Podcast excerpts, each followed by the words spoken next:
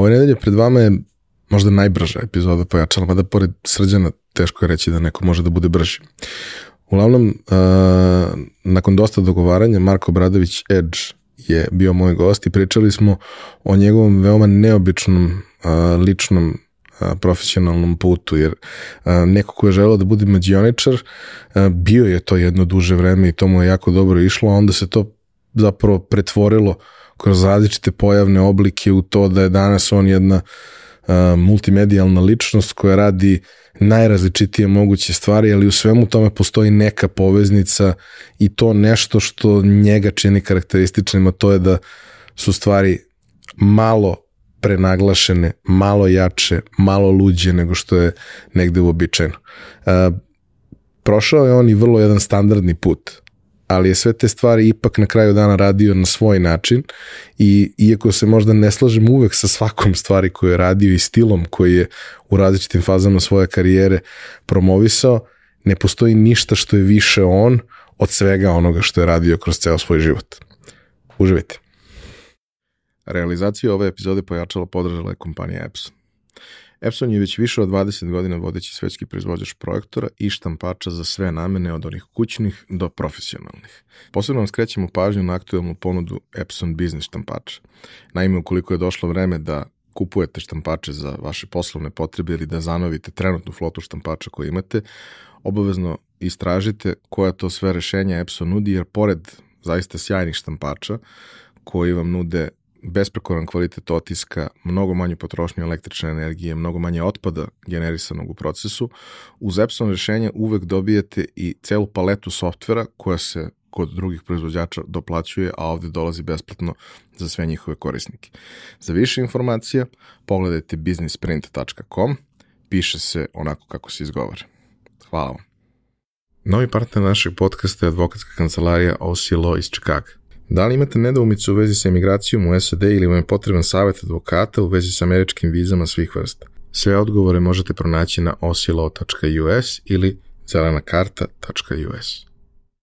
Za slučaj da želite da nas podržite vi individualno, možete da posetite link u opisu podcasta na platformi Buy Me A Coffee i tu možete kupiti mesečnu pretplatu ili jednokratno donirati neki jednost koji želite. Hvala vam unapred na tom.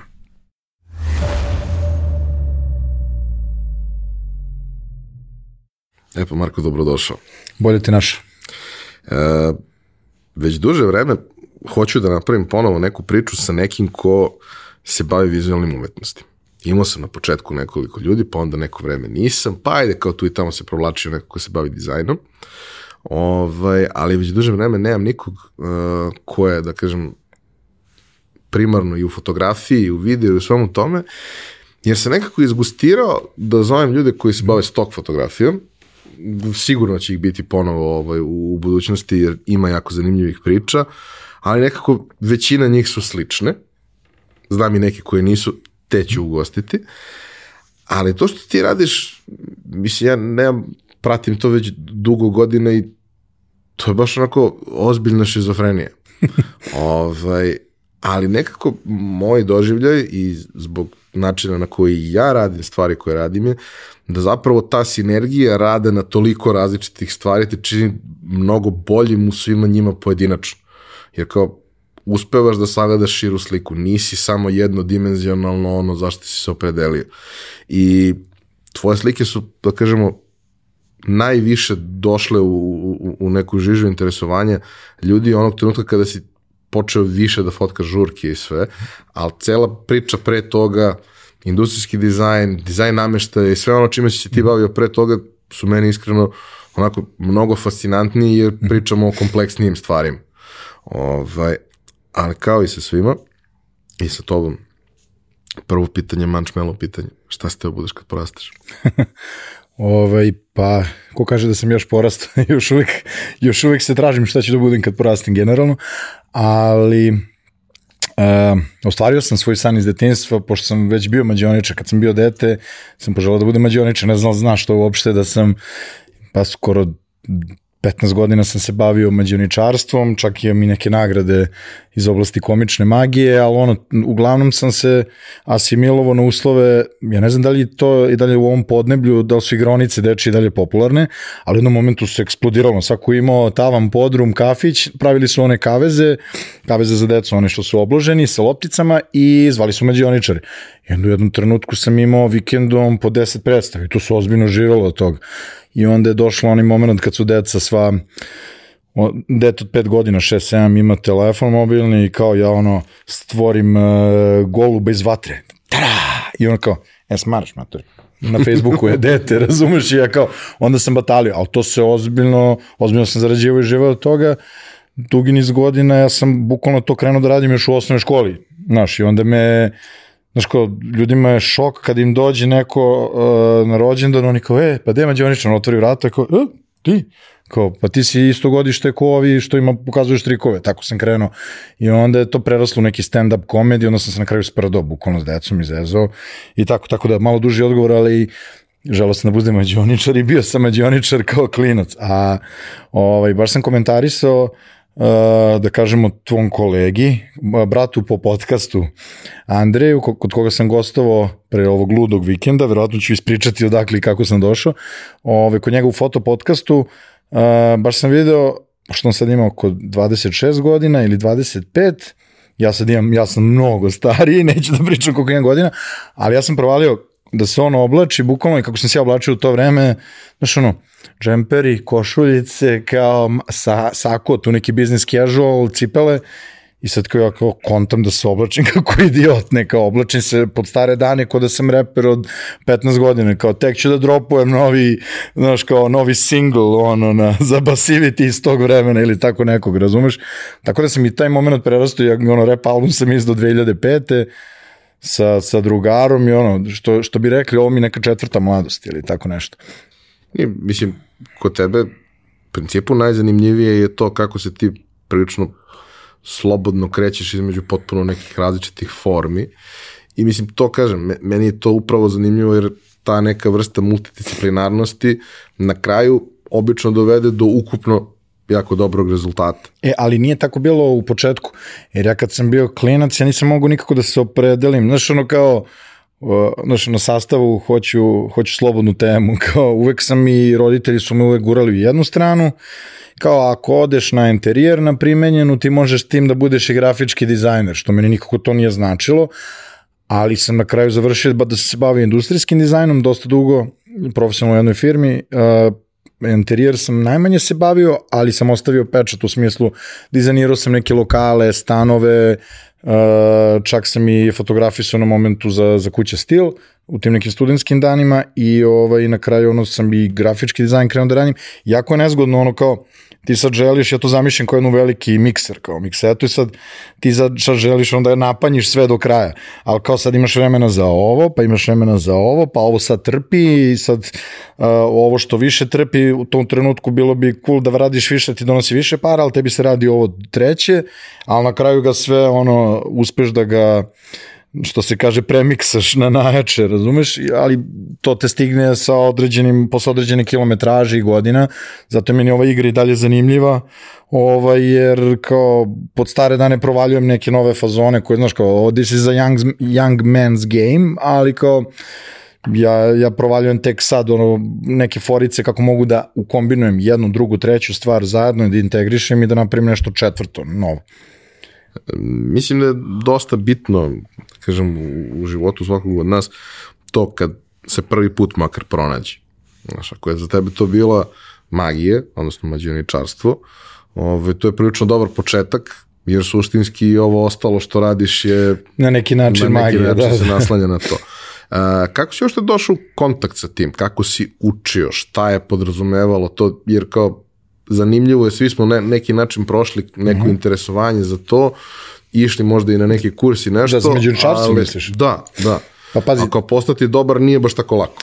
Sad bi, sad je najlakše biti mađioničar u smislu imaš YouTube i ono imaš sve, bukvalno i možeš da skineš i neke ozbiljnije kao tutoriali, da platiš i sve to, ali ono basic stvari koje trebaju da, da bi skontao kako trebaš sa rukama da se ponašaš, šta je, kako se zove, palmiranje, takozvano sakrivanje objekata, loptice iza dlana, karti i svakodnevne stvari, to može na YouTube da se nauči. A konkretno, ja sam u jednom momentu, ja sam u četvrtom osnovne teo da batalim školu i kao, ja ne, šta će meni škola više, ja hoću da budem mađionič.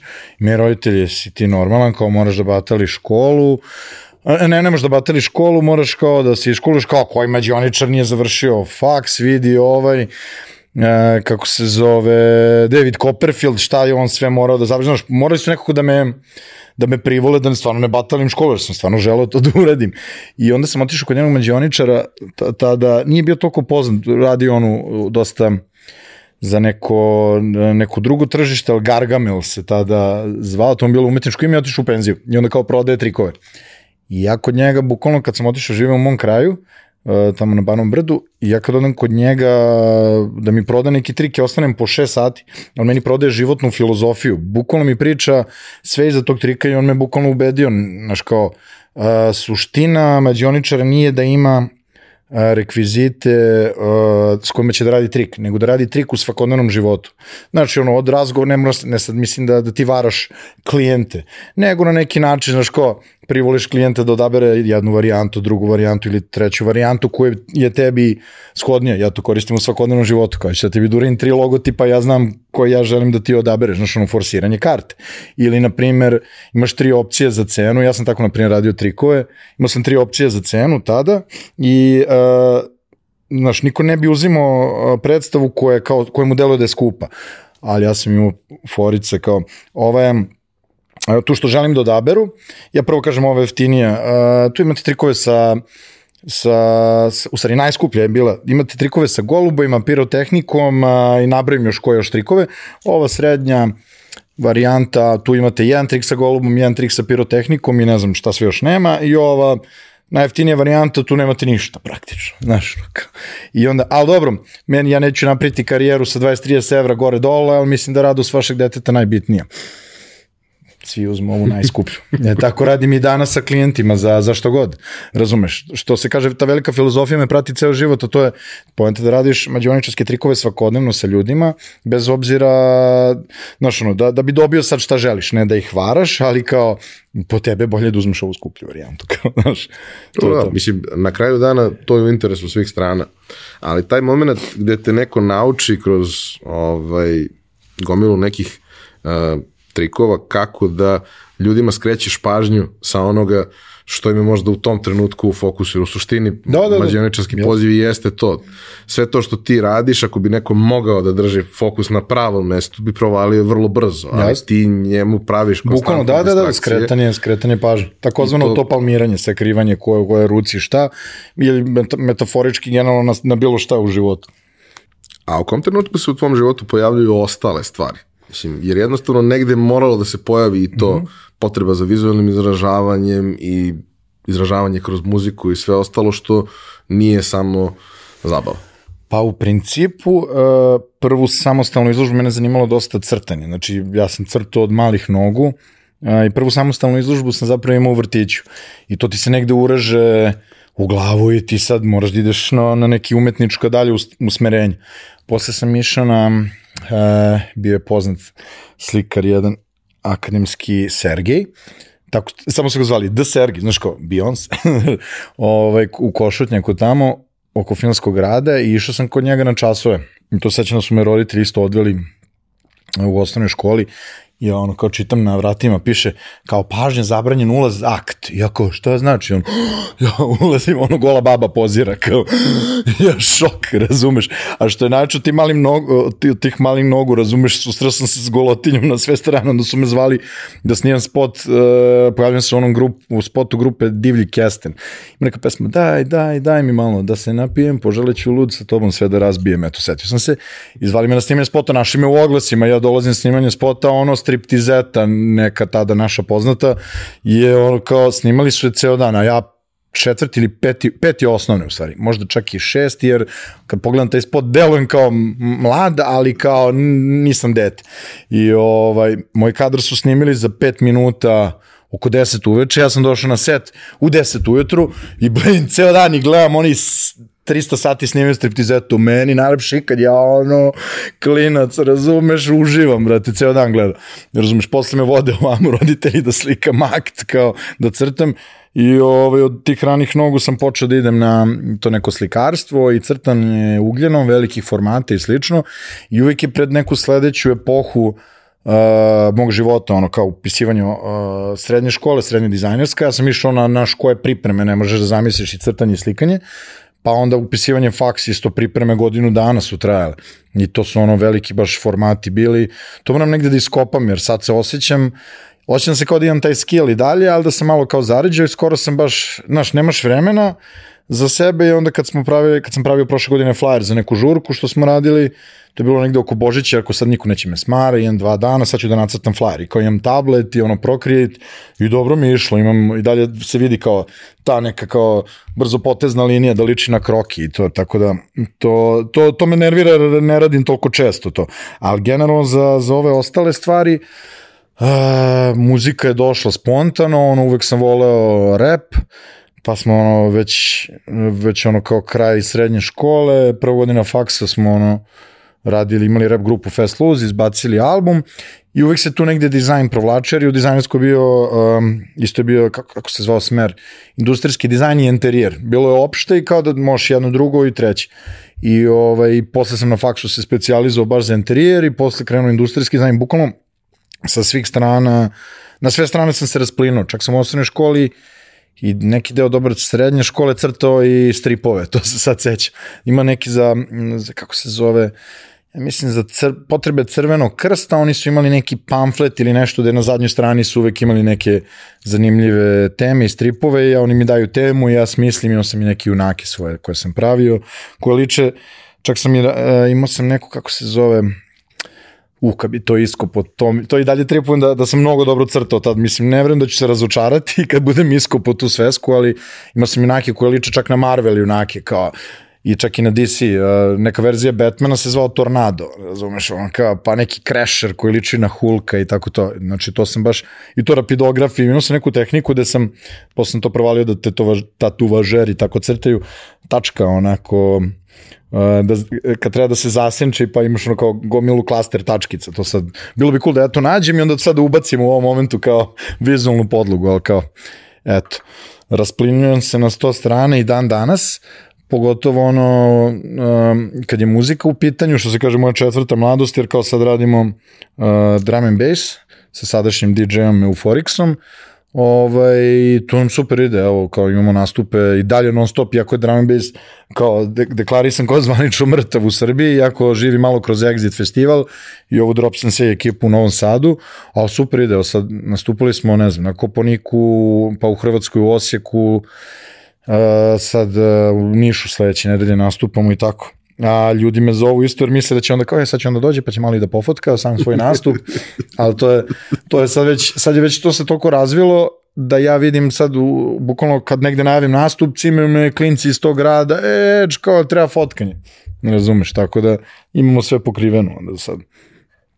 Kaže mi odlazak u, u, u dizajnersku, ovaj, kao, kako je to izgledalo tad? Mislim, šta je to bilo od predmeta, koliko je to bilo upotrebljivo, koliko je bilo zanimljivo. Pa da, da prostiš, bilo je jebeno, ili je bio rat, tad, to, to je bombardovanje.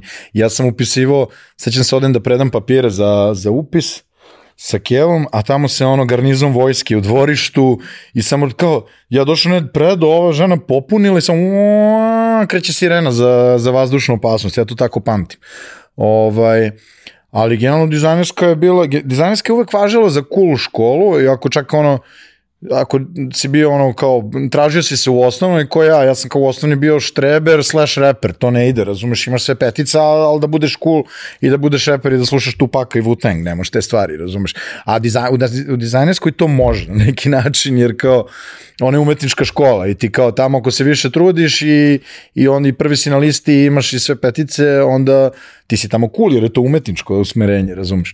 Tako da ja sam, tad, tad sam se ostvario, ono, izašao iz kokuna, ono, postao reper u fullu, razumiješ, ono, najšire moguće pantalone, ono, one patike s debelim pertlama, znaš, kao trenirao i basket, kao probao malo tu i tamo skate, Ovaj, a što se tiče predmeta, tako su nas i profesori zapamtili. Ja sam onda, kako, bukvalno kako sam završio dizajnersku sledeći dan, kad sam upisao faks kao napravio dredove, razumeš, imao sam i dredove ono do ramena.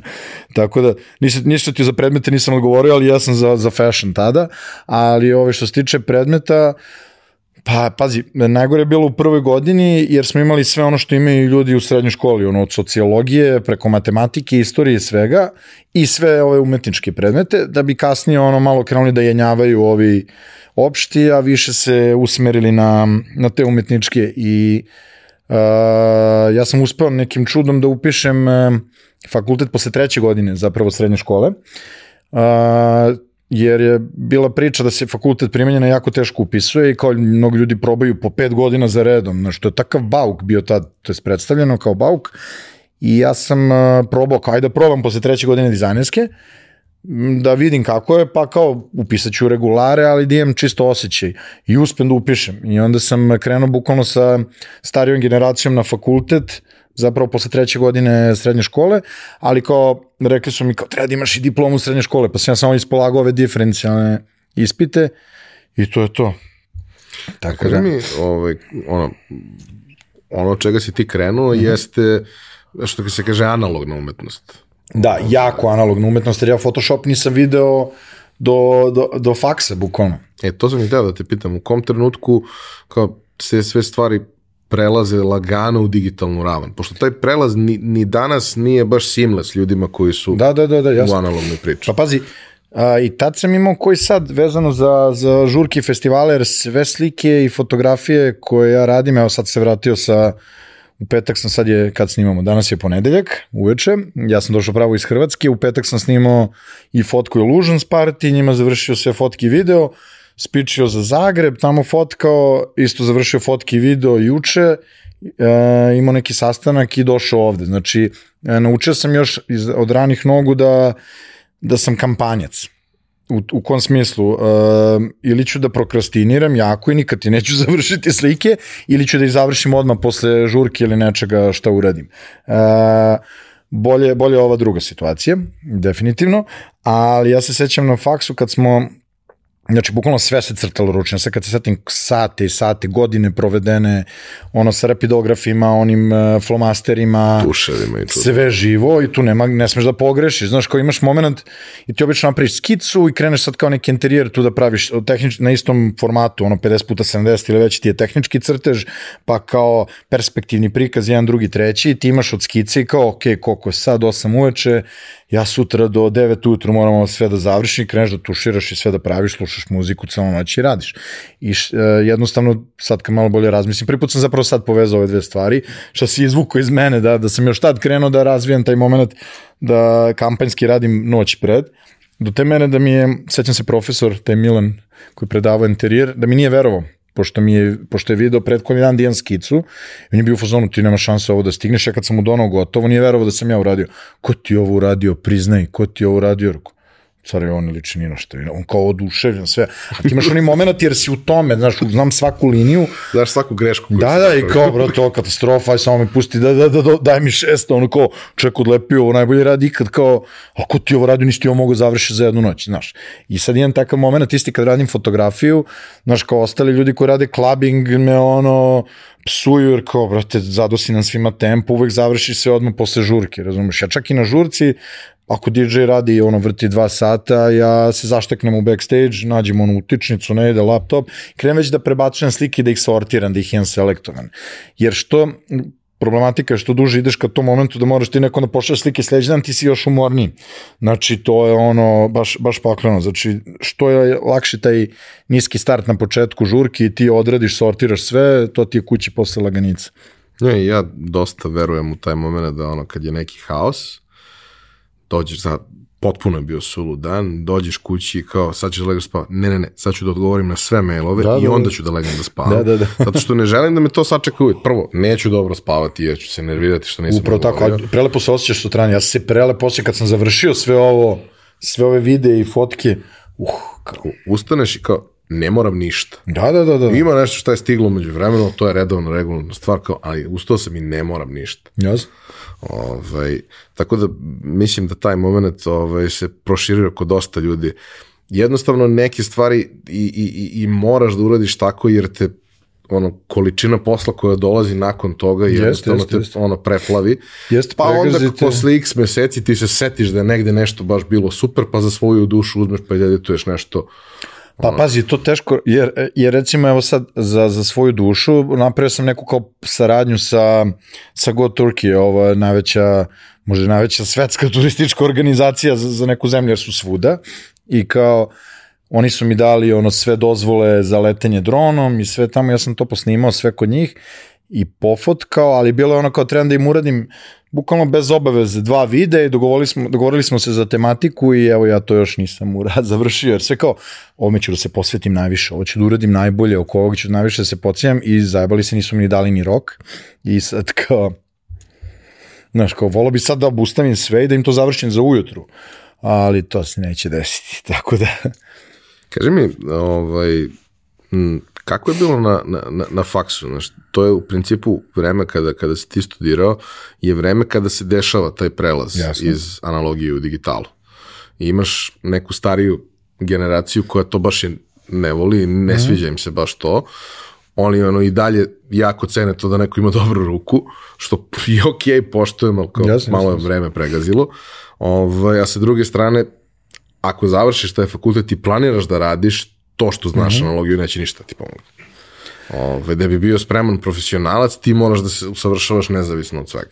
Kako je to A, pazi, izgledalo? meni, meni je super što sam prošao taj deo, znaš, kao ja sam generacija koja, je- meni se mobilni telefon pojavio za širu upotrebu ono u prvoj godini faksa, znaš. Tako da, super mi je što sam prošao i onaj moment od ploča, kaseta, CD-ova, ono- Nalaženja kod konja. O, da, da, da. da. To, pa to smo zvali, pošto smo bili reperi, onda smo to zvali, kod konja nam je bila kancelarija, koja je, gde se nalazimo u kancu, i kao pošto je u Domu omladine bio ovaj rep subote su bile uvek i kao završava se u dva i u dva i deset se kod, na trgu hvata taj noćni bus ovaj, gde god da ideš, na primjer na Banovo brdo i ovaj, onda kao je, aj zablema malo u kancu, pričam, pošto su one stolice ispred onih lokala i to smo zvali kanc, ovaj, gde se svi skupljali, ali generalno ovaj, taj period, meni je drago što sam ga tako, baš sam ta neka generacija, ono, poslednji millennials i, ovaj, da sam, ili prvi, ne, u stvari prvi, da, e, da sam ih sve, sve te stvari prošao što se tiče analogne umetnosti, jer sam bukvalno ubeđen da, da se sad svi suviše oslanjaju na tehnologiju, što je super, i ja se oslanjam, meni to sad kao uh, može da smeta, jer ne, imam problem da je prihvatim suviše brzo neki put, znaš, ja volim frajštendovanje u Photoshopu više nego išta, jer mislim da je to majka svega, ako ti imaš strpljenje da nešto isackaš onako sa lasom u Photoshopu, cik, cik, cik, cik, cik, to je majka da, da svaka slika bude posle uverljiva, ovi svi detalji, ali moraš prvo da odrediš što je to, neki put može traje pola sata, sat, dva, tri i tek posle možda blenduješ sve ostale lere, a a danas ti ti u Lightroomu, na primjer, imaš i u Photoshopu istu opciju, ti kad klikneš da ti selektuje subjekat, on ga samo isfrajštenduje. E sad, ti zoomiraš i to nije uvek savršeno, ali ljudi su uvek u fazonu, ja žurim, niko to neće da provali i onda ja vidim na drugim slikama da nekog mrzelo da frajštenduje i provaljuješ takve stvari. Sad, na primjer, imaš i iPhone, može to. Ja s tebe sad ufotkam i kao ću te okačem na story, ufotkam ovaj interijer i stavim te tamo sediš na stolu. To je stojiš, na primjer, ili tako nešto. Znači, odmah se to, to odradi. To recimo, na primjer, ume da ubrza posao, ali meni je drago što sam prošao sve ovo peške. Ranije takođe, znaš kao, crtanje ugljenom, uh, crtanje ručno, rapidografi, pa lenjiri, pa te lenjiri za tehničko, razumeš, aut, pa te kasnije došao AutoCAD. Uh, takođe 3D Max, e, da dobro, 3D Max nije moglo ništa da zameni, ali čak su u srednjoj školi nama zabranjivali da radimo u u programima na kompjuteru, kao može, ali mora nešto ručno da se nacrta, jer su oni već, tad su već krenuli da, da, da, da obitavaju ti programi za sveopštu upotrebu i ono drugar neki koji je prvi uradio u 3D-u nešto mi kao jo, ali ovo sterilno čoveče, kao ovo je suviše glatko, uglačno, znaš, nema tu teksturu, nema taj osjećaj kad ti uzmeš, vidiš tamo kad se izlože svi radovi na kraju godine, da su ono, zna se vidiš kak, šta su renderi, jer tebi od rendera takođe ti zavisi i kakve štampa. Ti posle možda moraš da nađeš neku štampariju, pa što je najgore, mi smo sami morali da finansiramo to, a sad ti hoćeš da ti to izgleda najnapucanije i sad ti hoćeš da platiš onu štampu što je mat, što je na, na tvrdom ono 250 gramskom papiru, full color, sve i kao da ti pucaju radovi najviše, jer ako ih, ako ih tu zakakiš, onda neće da dođe do izražaja to. Jer ja sad gledam, ono, živela, živela ekranska umetnost u smislu, jer ti tu vidiš sve do najsitnijih kontrasta, ferlaufa, prelaza, sve možeš lepo da vidiš, a ti kad odneseš nekom u štampariju, ono za lupam na faks ili gde god, pa on njemu ponestaje tonera, pa povuče na žutu ili, znaš, vidiš mu ono da je prolazio valjak, ovako, vidiš linije i resice, onda se smoriš kao, ja, ali ovo na kompu izgleda mnogo bolje, znaš. Dobro, se- digitala pre 20 godina i digitala danas ne mogu se porediti. To jeste, to jeste, ali ja ti govorim za taj period. ovaj, sad, na primer, kad pravim izložbe slika, uh, ovo People of the World ili koje god, znači tu ono u zenicu oka vidiš ocija i sobstveni od aparata na, u štampi. To izgleda baš, baš lepo. Ali tad je bilo baš uh, nategnuto i onda su mi nekako u to vreme sve što je ručno rađeno i crtano izgledalo mnogo bolje. Al, ali kad si me pitao za tu svestrano, sad da se vratim na ono prvo, prvo pitanje, grafički dizajn sam baš krenuo tad da, da prihvatam ono obilato, jer uvek sam ostavljao tipa 3-4 dana, ja završim sve ove rendere, sve projekte i kad pre predaju rada, ja ono jedno 3-4 dana istražujem iz knjiga, grafički dizajn, sla, slabije je tad internet bio, bilo je šta da se nađe tog tipa, ali više iz knjiga koje sam kupao Tašin, na primjer Tašinove knjige, i tu sam baš dosta, dosta um, hvat od grafičkog dizajna, ali nešto je najsmešnije od svega, što, što sam više kupovao knjige vezano za website dizajn, jer tada su web sajtovi izgledali ko projekti, neki arhitektonski svi, znači kupim uh, sve tašanove knjige o website dizajnu i onda onako listam, gledam i gledam šta mi se svidi i tako grafički, bukvalno pravim arhitektonski projekt i oni layout pravim tako, tak, i za, i za interijer i za industrijski dizajn što se toga tiče. Tu sam bukvalno uživao, četiri dana sam se bavio time i nikom nije jasno ono, znaš, mene su radovi izgledali svi besprekorno upakovani kao grafički dizajn, ali ti si na pogrešnom odseku, ti si na interijeru, znaš, kao ovde je bitna suština, kao samo da uradiš kao taj neki interijerski rad i ono, meni to bila strast. A, I što se tiče toga, čak sam ono, kad se već dotakao interijera i, i grafičkog i industrijskog dizajna, posle sam, a, posle primenjen sam a, išao na, na šumarski, da je to me naterao ćale da bi bio treća generacija, pošto deda išao na šumarski, pa i on, da je bio treća generacija na master, koji nisam završio, ali koji imam master sa primenjenom, a ovamo sam, ako ništa drugo, ovaj, znanje koje sam stekao je bilo super, jer ovde je bila suština, ok, možeš ti sve da nacrtaš i da izdizajniraš, ali moraš da znaš na koju stranu idu kao godovi od drveta, na koju stranu je daska sečena, da li će da se izvitoperi, da li će da, da li na jednu stranu, na drugu, pod, pod vlagom, koliko zadržava koje drvo vlage i ako je u stanju ovom. Ne, dobro, ovo je verovatno medijapan ili iverica, ovaj, ali generalno ono, koji, koji su spojevi, pero na utor, ž, ovaj, kako, žleb, kako već, sad ne mogu da se setim tačno, i čak sam i tu dobio, ja mislim, im jedno 3-4 nagrade za, za industrijski dizajn. Tako da sve u svemu, to sve ima svoje. Malo mi to nedostaje, taj moment, jer, e, mada mogu misliti kako je danas, da, ajde da kažemo i klincima i ljudima koji se bave time, jer sve već postoji. Znaš, moja neka teorija je vezano za muziku i vezano za dizajn i interijer i sve, sve već postoji, sve već odsvirano, samo je poenta da spojiš stvari koje nisu spajane, uh, koje nisu do sad spajane. Recimo u to vreme bilo, meni palo na pamet, ja sam gledao, toga nije bilo toliko na netu, na primjer stolica koja se pretvara u, sli, u sliku. I sad kao ti uzmeš stolicu, stvari imaš 4-5 slika na zidu, mali ti je stan, ali ti dođe neko društvo i ti bi želao da se oni poseduju, poskidaš slike sa zida i plap, plap, plap, u dva pokreta sklopiš u stolicu. I ja sam prečešljao ono, bukvalno, Znači, dno interneta da nađem i nisam našao i kao uradio sam tako nešto jer mi je bilo skrnavo i uvek mi je i dan danas skrnavo što se kaže da, da, da ukradem nekom neku ideju.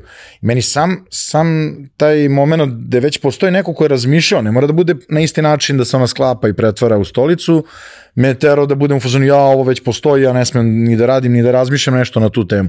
I to mi dalje služi i danas.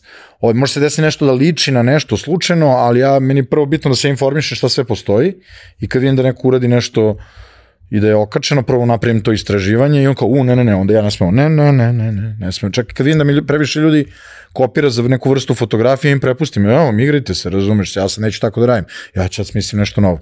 Tako da, to je možda sad i ultimativni odgovor na tvoje prvo pitanje, šta dobijamo time kad spojimo sve mindset, to mi je sad trenutno najbitnije, taj neki arhitektonsko, industrijsko, dizajnerski mindset, jer je to ranije vreme mnogo bilo uh, za osudu ako neko, neko nešto ukrade što se tiče ideje i dizajna i svega, kao imaš ono jednog Imsa, jedno ono kao Arne Jakobsena, znaš, Barcelona stolica i to sve, to je jedinstvena stvar na, na svetu.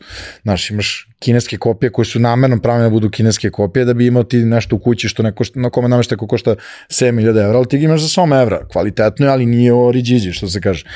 Ali vezano za današnje vreme, ljudi mnogo više mislim da je, da je da, nazvaćemo to, znači, kao, nema ništa lošeg u tome, ali TikTok kultura je dovela do toga i ovi Reels, Instagram i sve, da ti vidiš da je neko nešto uradio i kao, ljudi nemaju blama da iskopiraju to jedan kroz jedan, znaš, kao, sad ću ja snimam ovakav isti video, sad ću ja da uradim ovo isto, znaš, to je, to je point. A treba samo malo da se, znaš, ono što se kaže animacija za zube, razumeš, samo malo se poigraš sa, sa, sa tim toolsima koje već imaš, napravi ti nešto novo, dva dana ti treba da se igraš, bukvalno. Ja, baš mislim da taj moment što smo na neki način svi koji smo neka vrsta content kreatora, stimulisani smo sve vreme da kopiramo modele koji već rade. I to daje rezultat. I ti to radiš zato što to daje rezultat. Jasno ali to daje rezultat kratkoročno. I ti konstantno juriš šta je novi trend koji ćeš da iskopiraš. A onda ubiješ te dnevne ćelije koje, koje se meni bore ono pred spavanje, ja sad kad treba legna spavam, znaš ono, mozgu što mi ne daš da spavam, meni padne na pamet. Znaš kako sam se ja istrenirao u stvari zapravo? Ja sad kad imam sastanak sa klijentom, mi sad imamo dogovor za neki posao, i ti mi kažeš, e, mi bi trebali da snimimo ovako nešto i meni odmah, znači, to možda uh, u nekom momentu uh, bude i napadno, jer ja, imam ideju, ajmo ovo, ajmo ovo, ajmo ovo, ali onda svaki klijent provali da je to kod mene dobronamerno i kao, ujebate, ali ovaj čovjek kreativan, jer mene drži me taj drive da smislim nešto novo. Ja ću pre da smislim na tom prvom inicijalnom sastanku, kad se upoznam sa klijentom neku ideju kako da snimimo video, spot ili kako da, da mu prodamo brand, generalno, i proizvod nego što ću kao kad se budem sedao u kući. Znaš, ja tu odmah pam pam pam, dogovorim sve, e, koliko ćemo para, hoćemo prvu, drugu, treću varijantu predstaveni, evo da se štekate za svoje dete, pa najskuplja varijanta može. Uh, kaži mi, ovaj, rekao si da ti je u suštini prva šljaka koju si radio ozbiljno bila mađoničarski mm -hmm. posao. A kako su krenule ostali, ostali poslovi? Kako su se javljali i šta su bili? Pa pazi, meni uvek, u bilo kom tom poslu, bez alata, što se kaže, nema zanata. Znači, ja sam se uvek ložio, kad su me roditelji, na primjer, pitali, kad sam bio klinac, šta će za rođendan ili za novu godinu? Ja, trik neki iz bulevara, gore u bulevaru bila mađovenčarska radnja. Bulevar Revolucije 323A, sećam se, ja mislim da je sad tamo ne, prodavnica autodelova. I to mislim da i dalje imaju nacrtano, možda su ga prefarbali, bio zet sa strane u mađoničarskom šeširu, kako viri i kako ti maše sa strane. Kuća neka, ono, u tom delu su kao samostalne zanatske radionice bile i bilo je ta prodavnica. Ja kad god odem, ti, ti si došao na show tamo i ti pitaš da ti pokaže svaki trik i on je dužan da ti pokaže svaki trik i ti kad odlučiš šta ćeš da kupiš, on ti tek onda otkrije, razumeš? I sad, ta priča bez alata nema zanata. Ja sam znao, ja hoću, um, hoću ima sad, hoću kaserol trik. To ti je ono kao metalna neka posuda, koje ti zapališ vatru, zatvoriš, otvoriš golub ili zec, pojavi se. Jo, kao meni te kaserol bio, ok, moram da radim ovo još pet godina, imao para, kupim kaserol i da, ili kao maramasa koja, ono, kao imaš crnu maramu s tufnicama, ti je kao protresaš otpadnu tufnicu, uzmeš iz spoda, baciš, on se pojave nazad na njoj. I to su meni kao neki trikovi bili koje ja želim da imam, ja sam ih tek, ono, bavio sam se među častom 5-6-7 godina, pa sam onda pokupovao te neke wow trikove koje sam znao da postoje. Isto ko za foto opremu, Znaš, ti si negdje, ja sam negdje preko, uvijek sam mislio da mi Srbi, kao, ja, mi, mi imamo najjadnije u opremu i sve to, ja ono vremenom gradeći, ja sad odem, ja mi zasjenjen ludak koji je ono, mislim, nas par ludaka koji to isto rade, ali kao sad nosimo najskuplju moguću opremu u clubbing i na festivali, gde god da slikamo, znači kao pre, prešao sam ono Canon R5 i R5C, ono preskupa opera, mislim nije ono red kamere i sve to, to je zapravo još skuplje ili phase one, ali ovo je jako skupa oprema da bi nosio clubbing, i RF objektivi sve tog tipa, i ove, ali isto sam gledao uvek kako sam krenuo time da se bavim fotoopremom, ja vidim drugi fotografi i stranci šta imaju, ja kao, uf, kao, koliko bi volio da imam para da kupim uh, 70-200, tu ti oni sivi objektiv, da. Canon, znaš, kao, ta, taj sivi objektiv, svi su ostali crni sa crvenom, onim prsten, ovaj sivi, kako izgleda to, kako je lepo, znaš, kao, ložio sam se baš na opremu i na vizualno to, znaš, kao, znam ja funkciju i svemu tom i čemu to služi, ali ja kao, gde god odem negde na, na festival ili nešto, kao, kao i mlađi, kad sam te krenuo se bavim, kao, gledam, zagledam šta drugi imaju opremu, znaš, kao, u, alo, ima lik sve napucano, sad sam ja taj koji ima sve najnapucanije, I odem kao preko neki festival, bukvalno ono, snijem šta ostali fotografi imaju i kao slabiji su, jako, ok, nismo ni mi Srbi loši, znaš kao, kad odeš da slikaš nešto preko, ali je fora u tome što sam provalio, kod nas možeš mnogo lakše da napreduješ u tom poslu jer ti odeš, na primjer, e, pošleš mail i kontaktiraš nekog za festival ili kontaktirate mene eventualno, a ako ste neki klinac koji sad voli da se bavi fotografijom, pišete meni i ja vas ubacim negde na neku žurku ili festival da probate da fotkate, da vidite da li možete se nađete u tome, jer kako ti da to uopšte probaš? Kako ja sa volim nightlife fotografiju, a ko će mene da pusti da ja unesem fotoaparat na neki ozbiljan event, razumeš i da slikam. Ovaj, to je sad uh, najlepši deo posla a preko je to malo teže, preko je, neću ti odgovore na mail, što bi tebi neko pustio s fotoaparatom, svi misle, uh, sad će ti to nešto da zlupotrebiš u smislu da kačiš kod sebe i sve, mislim, to je jako lepa stvar, ako ćeš i ti da okačiš kod sebe da izreklamiraš taj neki event, ali preko sve funkcioniše zupčanici, niko ne želi uopšte da razmišlja šta ćeš ti s tim da uradiš i zašto ti treba da uneseš fotoaparat, ne, ne može. A ovaj, u Srbiji je to mnogo lakše. Bukvalno kontaktiraš koga hoćeš i uđeš bilo gde sa, sa opremom. Evo, mogu ja, mogu ja ti slikam? Ko, ne može. Znate, daću ti fotke za džab. Uđi, slikaj, slikaj. Če popiješ nešto. Razumeš, to je, to je ta priča. A ti praviš negde svoj portfolio. Pa da, a i probaš u ostalom. Tako sam ja, tako sam ja krenuo, to je neka treća mladost kad sam krenuo, batalio sve i muziku i sve i kao zaposlio se radio industrijski dizajn i sve super, ostvaren sam, ali kao hoću da Cimo me ortak dođem na, na žurku, Roni Sajz, mislim da mi cimo ovaj, Toksik iz, iz Kodeksa, ja dovodim 15 godina Kodeksa u Srbiji, dovodimo Roni Sajza, a ja, brate, nisam izlazio 100 godina, aj dođe donesi oni tvoj objektiv, uh, kako se zove, 30-icu i 1.4 blenda, ono može sliku u mraku, Sigma Art, kao, ajde važi, ali kao ja ću da fotkam, ja došao i krenuo fotkam iz Ebancije i to je to, je rekao, a kad ću već kao da glumim ludilo, ulazim ono preko reda, VIP-evi, backstage-evi i to, da, da radim nešto korisno, razumiješ? Tako da, tako je krenuo. I to mi je bilo super, ono, kao sad znam sve od obezbeđenja do bilo koga. A što je najgore, sad kad mogu da idem tako, ono, to zapravo govorim, uvek govorim drugarima konkretno, sad sam je vikend rekao ovim drugarima iz Hrvatske, Lightmanu Kosti, ovom najboljem u Hrvatskoj što radi u Noj, sreo sam ga ovam u peti kupeu, petom kupeu u stvari. Klub se zove peti kupe, a ja sam mislim da je peti kupe. I ako, e, mogu bi dođi jedan dan u Beograd, kao, prate, ajde dođi neki vike, malo te provedem, ja sad to zamišljam u glavi, kao idemo jedan klub, ono, kod da smo klinke, razumeš, idemo jedan klub, idemo drugi, idemo treći, idemo četvrti, to bi se desilo, otišli bi, popili bi piće svakom na svoju stranu, da ti idemo spavamo, jer ja realno izlazim najviše od svih, ali zato što radim. Znaš, ja da ne radim, ja ne bi izla, izašao. Razumeš, suviše sam se uljuljkao u to, jer onda kao, a, bole tebe uvo, kao, ostaneš do 5-6 na žurci, 7, kao, piješ za džabe, ovo, ono, kao, e, ne, nego ja povedem drugare, kao, šta ćete popijete, evo ja ću jednu tekilu na početku večeri, to je to, vi se provodite, ja onda moram da radim. A kaži mi, ovaj, ja se sećam tih nekih prvih fotki koje su izašli mm -hmm. i sve, to je, to nije bila fancy oprema. Znači, to, niko, je, niko. to je bilo štap i kanap, ali si ti imao neki svoj stil sa, sa editovanjem toga svega koji je bio karakterističan i koji si ti vremenom razvijao i menjao i sve to stoji. Ali u trenutku kad se pojavio nije baš bio svakidaš. Nije bio ni fotografski, to je delovalo ono kog sad HDR da si primenio i, i, i ovaj Clarity do kraja navuko i sve ono, ali ja se lože da deluje tak, da izgleda tako stripovski, da je oštro i sve, ono, eto, oprema me je stigla, pa sad zapravo mogu da radim takve fotografije i one zapravo, meni najbitnije da ono, da na primjer uskladim da su mi crvena i plava, žuta, naranđasta, jarke boje na slikama, ali ti kad bi sad probao, ali, ali kod mene ima detalja u tim tonovima, znaš ti u crvenoj vidiš sve konture lica, sve detalje u publici, ali ti se kad bi to krenuo, šta je ovo teško, sad ću samo saturaciju do kraja, ti kad bi stavio saturaciju do kraja, tako, tebi se spržila slika, posto bi crvena ili plava fleka. A ovaj, tako da vremenom me taj skill neki stigao koji sam želao da imam, a i dosta sam u početku, to je baš ta žurka kad sam provalio fazon, kao ajmo fiša, ajmo tu neku sepiju i eksterne bliceve baci u publiku ono da okidaju s nekih uglova i ta kombinacija, ta neka crno-belo kao polusepija, fiša i eksterni blicevi delovali kao na neki ludi klub iz Berlina, razumeš, kao da je deslikovano ono grotlo pakla, ono neki ljudi u mraku provode se nikad luđe i neko svetlo piče s neke strane.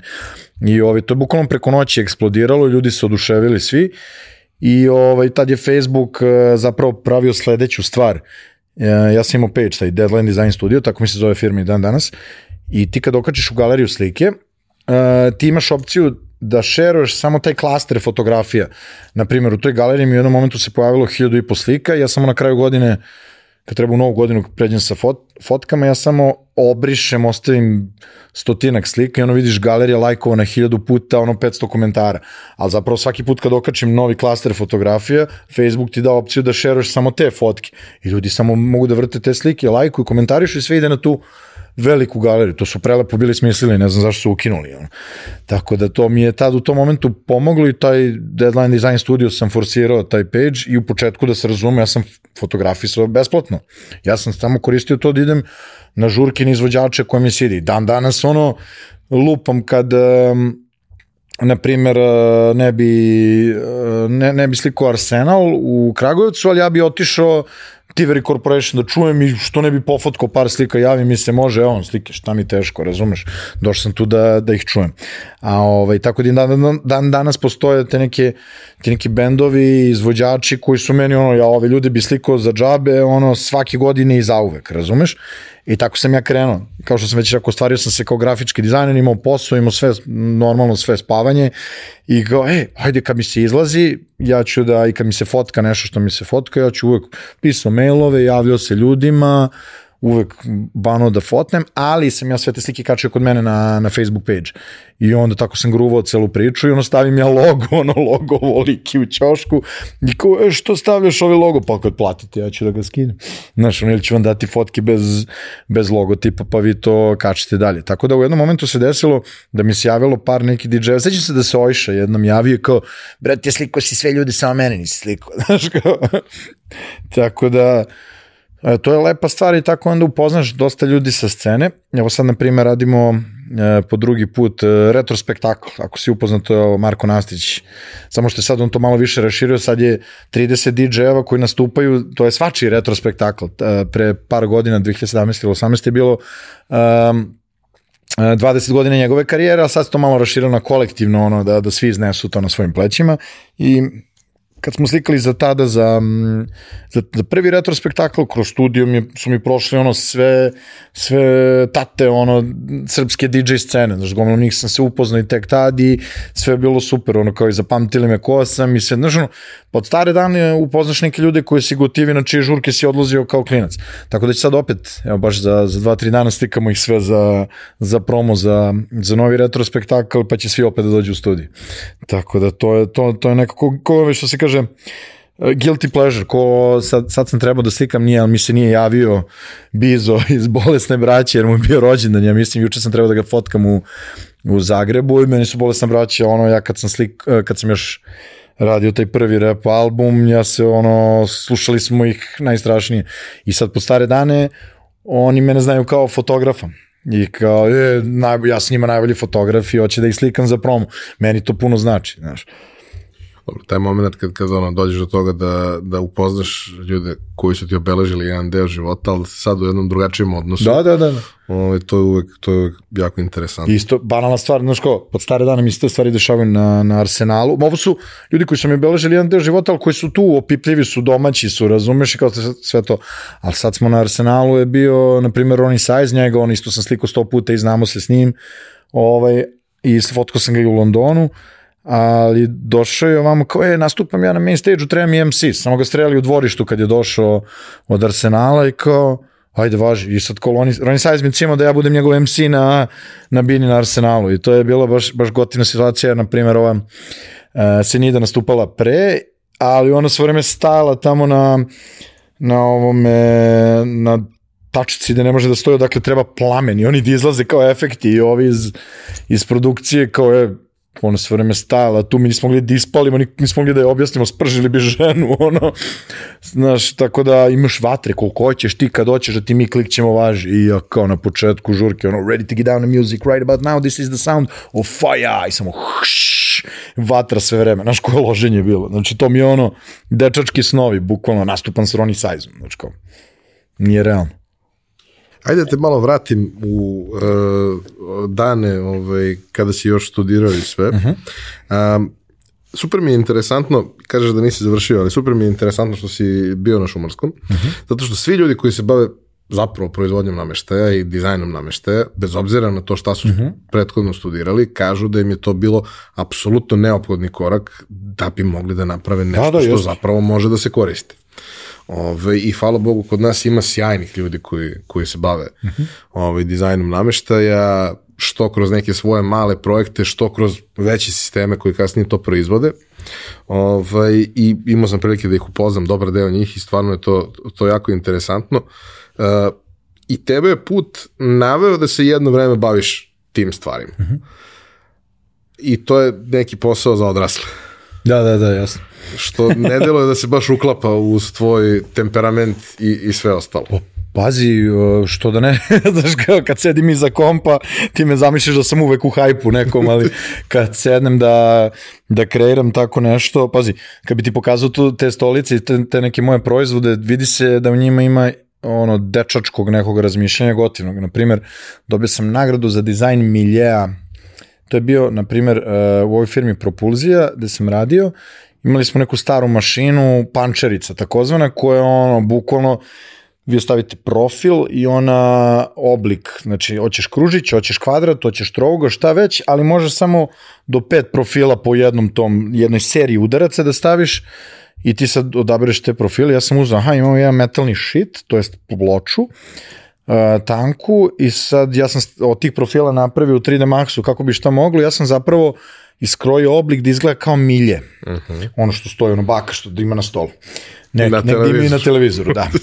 I, ovaj, i ona pančerica to odradi, znači 20 minuta proizvodnje, coatuje se sa, imaju onim, farba se, to je sa belim onim coatingom koji je funkcioniše tako što se te čestice magnetišu uh, na, na tu ploču i onda se savije, znaš, kao proizvod na, treba 20 minuta se napravi, uh, košta 20 evra da se proizvede i kao možda prodaš ono jer ima dizajnerski moment, možda prodaš koliko ko hoćeš, ako možda prodaš za 2-3 hiljade evra, ti prodaj, nije nikakav problem, razumeš? Izgleda savršeno, kao milje koje onda se savije i sad on izgleda kao da je uštirkan milja, ono kao nekoga nije koristio, u stvari omikšivač kad ga je pravo i on se smrzo, razumeš? I takav je sto. Ti sad stoji ti tako.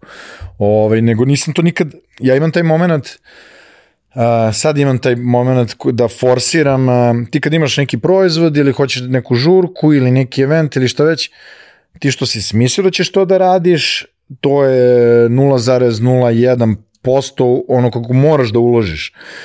Znači, moraš ono, da se baviš reklamama, moraš da cimaš ljude, moraš sve živo, a vezano za taj milje, ja sam ono kao, samim tim što sam ga napravio, što sam ga proizveo i on izlagao sam ga na, mislim, na sajmu i na Mixer Design Weeku kad je još bio i da je dobio nagrade, znači ja sam ono, eventualno sam se da uradim flajere i malo sam forsirao na tom svom page-u i ovaj, stajao sam tamo sve vreme i delio flajere.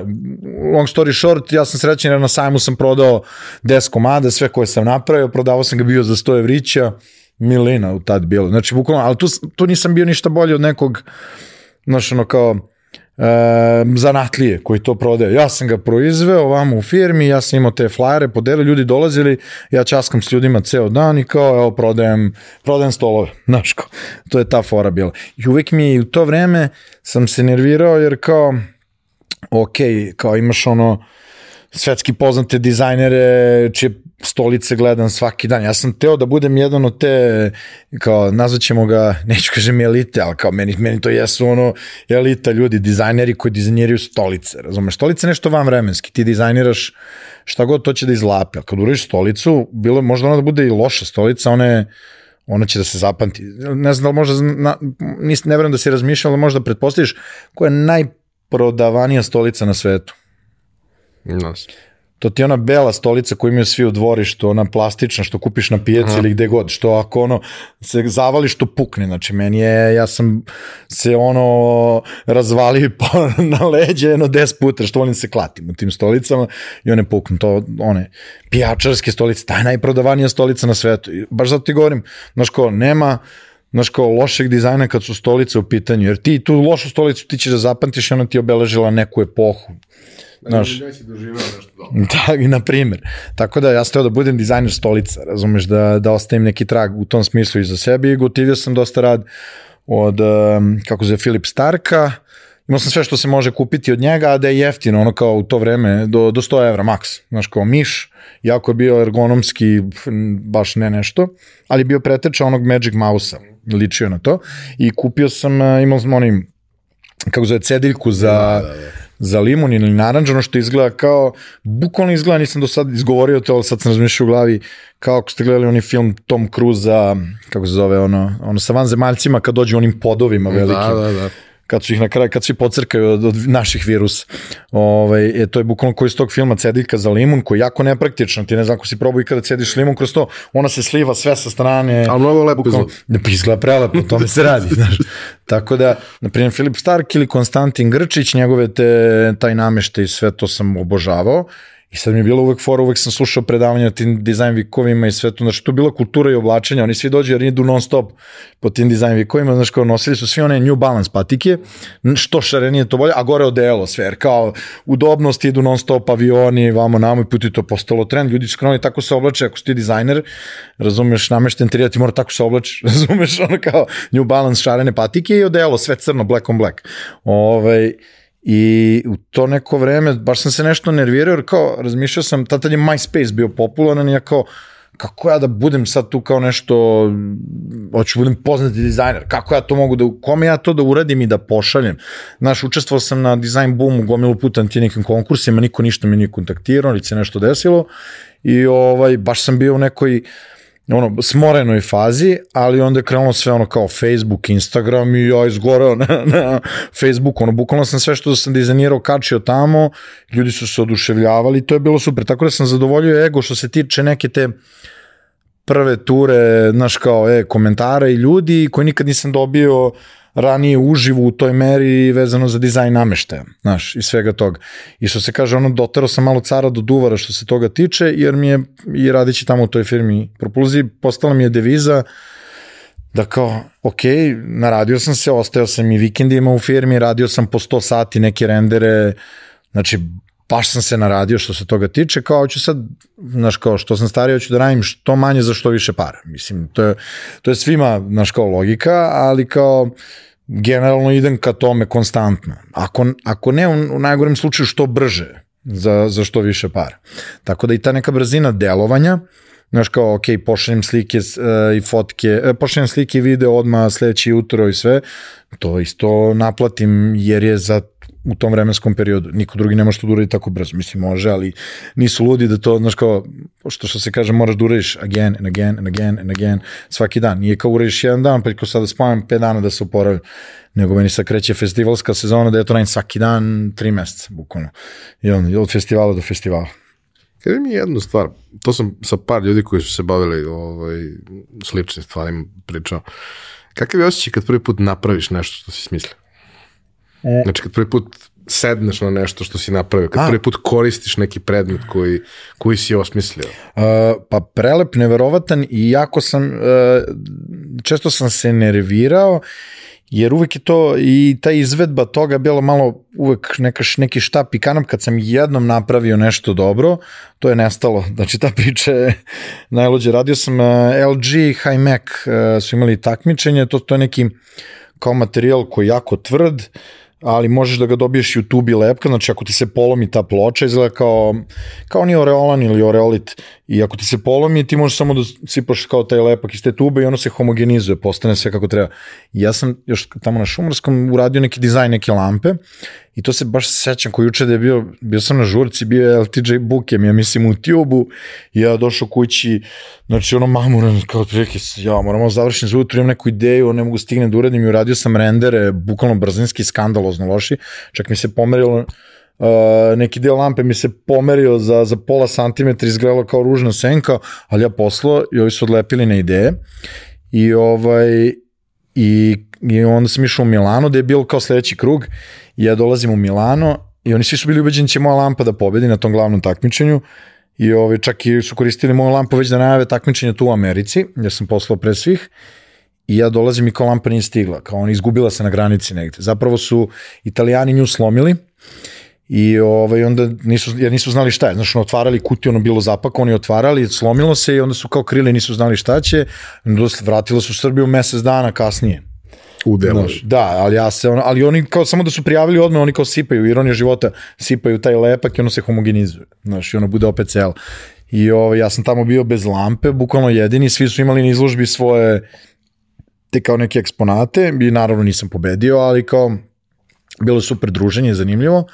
I sećam se kako sam došao, to je bilo za 1. maj, ja došao i treba da idem sa, sa drugarom na to je cijela ta ekipa, idemo negde na kampovanje, ono, ne znam gde po Srbiji, 5 dana i ja dolazim, išao do Šumarskoj i kao vidim na, na onoj nekoj tabli piše sam dobio nagradu za neki dizajn eko kante, kao 300 evrića, ako, uh, pa dobro, ok, uteša nagrada, nisam više smoren zbog Italije, kao. Tako, ali, e, kažem ti, mnogo je dobar osjećaj, ali s druge strane, nikad nisam vidio nešto što je realizovano tako jedan kroz jedan, ko što Kako ga ti dizajniraš. Da, zato što šta, čak i ovamo u Propulzi gde, gde sam bio u timu odličnih inženjera koji su ono polome se ljudi da ja bukvalno da napravim nešto je nemoguće napraviti, oni će to da ti naprave. Uvek nešto mora da bude grounded in reality, razumeš, ali nik, nikad ja nisam ni preterano nešto filozofirao i sad kao uradim nešto je nemoguće da se napravi. Znaš, sve može, ali si uvek niko za taj prvi prototip ili nešto neće da ti da uloži puno para dok se to ne pokaže i to kao napravi se. Ja čak i dan danas tu stolicu što se pretvara u sliku i postoji samo jedna verzija i naravno od vremenski koliko je to prošlo vremena to drvo se izvitoperilo i onda kao malo sa teže da se rasklopi, ja ne znam ni gde mi je ta stolica više ali ona je pobrojala isto silne nagrade. Ove milje sam napravio više puta, zato mi je bio prelep osjećaj, jer je bio jedan kroz jedan, jer bukvalno je dokazao Znaš, ti možeš da uradiš nešto i kao, uf, brate, ovo jeste prelepo, ali proizvodna cena, ovo da ti napravimo je soma evra, kao, si normalno neće niko to da prodaje, šta god, o čemu god da se radi. Ali ove milje, jer kao krije se iza toga genijalština toga što sam od ono štapa i kanapa napravio nešto što je, treba, ko što 20 evra se napravi, treba 20 minuta da se napravi. I ti sad s time možeš, ono, ako hoćemo da ga prodajemo u nekom showroomu u Milanu, mi na njemu možemo zarimo što ti rekao, možeš ga prodaš 2000 evra, razumeš, koliko god. Tako da vezano za to, bio sam mega oduševljen kad sam vidio ka, kako izgleda kad je napravljeno. Ali ovamo u Propulziji sam imao dosta puta priliku jer smo štancovali, znači izbacivao sam dva dizajna dnevno, Uh, radili smo za, od, ne znam, od Coca-Cola, Nestlea, preko čega, šta god možda zamisliš, to je taj posam neki materijal, kako se zove point of sale material, koji ti je ono, pa, od paletnih mesta velikih, pa do pa malih onih zakački što zakačiš na kasu, nešto od metala. I firme tad radili isključivo od metala i sad je e, konkurentne firme su bile one koje rade od e, kartona. I sad, što bi neko uzimao, za te pare može da uzme hiljadu kartonskih polica, što bi neko uzimao u policu za koje, od metala u istoj ceni može da uzme samo 50 komada. I sad ja kao moram da smislim kako da se to napravi, svako savijanje metala košta, kod igraš origami, bukvalno. Znači, što manje savijanja, što manje materijala, da izgleda kako treba. I sad ja to trebam da smislim neki dizajn. I, ali ja sam uspevao, na primjer, napravio sam to se baš sećam za Bambi sam napravio, izgleda kao džinovska potrošačka korpa, a zapravo je ono, ono jedan metalni taj šit koji se savio okolo i ovaj gore kako se zove, da izgleda kao da je drška i samo police su stavljene. Ti praktično kad napraviš policu, ono najobičnije što se kaže najsocijalniju policu, da ona ima, ti nju praviš isto tako, samo smo ju suzili u ovom donjem delu, čak i manje materijala utrošeno i ofarbano je tako crveno sa onom ručkom, izgleda kao potrošačka korpa. I sve zavisi od kampanje do, do kampanje, mi tu neki slogani, ali često mi se dešavalo, sad se vraćam na ono što si rekao, da da kombinujem druge elemente, znaš, nama dođe u firmu neko ko je, na primjer, iz pateline, one paštete i kao, e, imamo kampanju, smo smislili, samo mogu pričam o tome jer to bilo davno, kampanju smo smislili kao prva pašteta ikad koja ima poklopac, kao, i kao, kao ide i pokazali nam neki brief, kao, otprilike, kao, čovek na mesecu, Beatlesi, prva pašteta s poklopcem, kao, što ne napravite kao pašteta da se baci. Znaš, kao, ja, ne, znaš, svako glorifikuje svoj brend i to, ali to je pre, prelep moment bio do te mene da sam ja njima rekao, ja sad ću jedan smislim džingl, ja im smislio sve o, zapravo otvori, zatvori. Ili tako se nešto zvalo. I sad kao, oni su rešili da to idu sa Rajsvešlusom, pošto on ti je ono, na, najveće, uh, najbolje sugerisanje za taj moment, otvori, zatvori. I napravili smo celu kampanju, bukvalno isto, suština je da nađeš način da napraviš običnu policu da prodaš, ali ti da dodaš grafički nešto njoj da izgleda kao što je polica bila najobičnija, koja se samo ovako krivi gore i onda staviš branding kao Specials koji se zatvara i otvara. Či to je eksplodiralo kako je dobro bilo.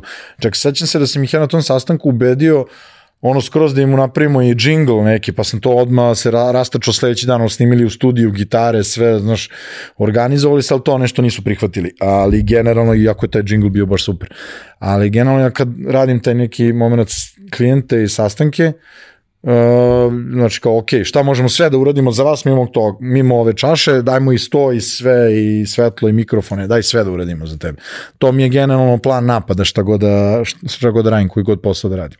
A mislim da je taj period kad si to radio zapravo i bio period kada su ono, maloprodajnim objektima počeli da se pojavljaju police koje su nestandardne, počele da se pojavljaju stvari jest, koje ne izgledaju ubo sam, ubo sam, taj, ubo sam taj period. Sad, nešto, neću da kažem to je kao zbog mene tamo posla, nego, ali bukvalno kad sam batalio se bavim tim poslom, krenulo je malo da jenjava.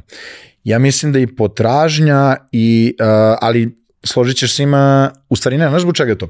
Zašto ima mnogo, uh, uh, franšiziranih ovih mega marketa gde oni imaju svoje standarde police, mislim konkretno Lidl, znaš, kao ti u Lidl nemaš takih polica, oni imaju svaki Lidl od, znaš, od Nemačke do vamo izgleda identično i onda nema prostora da ti tu nešto dođeš do izražaja, znaš. Mislim tako, da i kod ostalih velikih lanaca isto prilično striktno po tome Jeste, sad je, sad je tako krenulo. Ja redko je... vidim, vidim oni kako se zove, tom veliki kao Maxim, oni Mega Maxi na Adi, je tamo uvek kad idem kupujem to, idem valjda jedan, dva put godišnje kad kupujem za slavu, šta treba, odemo sestre i ja pokupujemo u dva ujutro, odemo po štrajicu mm. to mi je omiljeni moment da odemo u shopping u dva ujutro, da kupujemo ono dvoje kolica, ono sve namirnice za slavu i tu baš bacim pogled i vidim, čak vidim ono neku policu koju dan danas koju sam ja dizajnirao stoji uvek negde, a najlepše mi je kad odem u Hrvatsku pa vidim tamo kod njih, oni ono, znaš, e, za jamnicu je bilo, pošto kao kampanja da ide jamnica uz Uh, u svaki obrok. I onda kao jamni, jedna jamnica meni palo na pamet, oni sve ispoštovali što sam ja rekao kampanju, im uradio je grafički dizajn čak. Kao ovo tanjir i kao uh, stoji kao pored pribora i jedna flašica jamnice kad gledaš ovako ono od ozgo, flat late i takozvani. I ovaj, sećam se oni kao, a može, važi to, oni zovu žlica i vilica. I ovaj, napravio sam tu neku policu opet obična polica, ali ti izbrendiraš tako, sa strane smo kao ovako napravili zaobljeni, sa strane kao kašika, s druge strane uh, viljuška, a onda ovaj deo koji gore kao header, onda sam ga brendirao kod izgleda da je čep od, uh, od ovaj uh, čep od jamnice. I suštini u tome da sad ti ne možeš da napriš one, oni nazub, on, nazubljeni onaj deo od čepa, nego ga praviš isključivo u grafičkom dizajnu. Ja napravim u Photoshopu, razumeš, razvučeno to, i on kao taj ceo layout i onda ga oni oštampaju i onda ga izbrendiraju i to izgleda mega rano. I onda smo počeli čak i od drveta, napravili smo neku policu za Coca-Cola koja mi je i dan danas omiljena polica, od drveta sam radio taj neki header, to je da izgleda kao da drveta, ja sam zapravo ponašao teksturu drveta, grafički rešio i ono ti kad pogledaš, ono deluje kao da je od drveta, zapravo nije, jer je jeftinije napraviti od metala tog, nego od punog drveta. A i trajnije, verovatno. I to, i to. Aj možda prebrendiraš, ti odlepiš samo taj stiker, i staviš neki drugi, one bude totalno nešto drugačije. Kako si odlučio da izađeš iz te priče?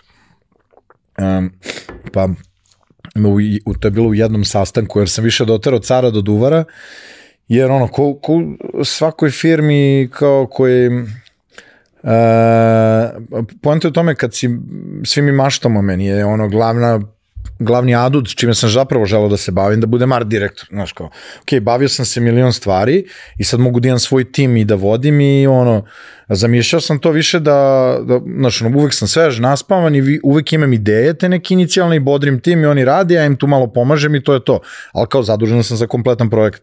Jedino što sad vodim, što se kaže these days, su fototimovi na festivalima i to mi isto ne smeta i to mi je super, ali za tu neku art direkciju, znaš, kao ljudi u firmama gde, koji nisu toliko marketing orijentisane, a, i, i nema iskustva u tom polju, onda ljudi zamišljaju kao, ok, ti, si art direktor, ali ti to znači da sam moraš najviše da radiš.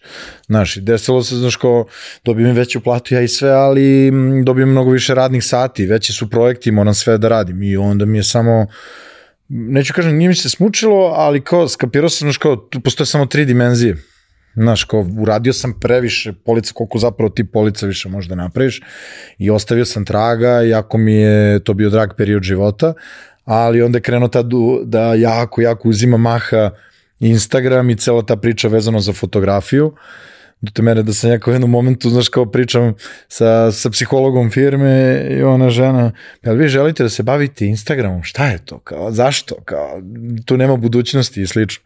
I ja sam tad, tad sam patentirao to, ja želim da radim za uh, manje za više para i tu smo se razlišli, ali da li smo posle sarađivali i više puta sam išao uh, pomagao im, to jest više sam kao fotograf išao da im radim projekte neke na sajmu recimo uh, tog posle materijala, gde beš taj sajam, u Nemačkoj mislim, bio i gde već i dalje smo u dobrim odnosima kad treba nešto da se snimi, da se pofotka, to uradimo.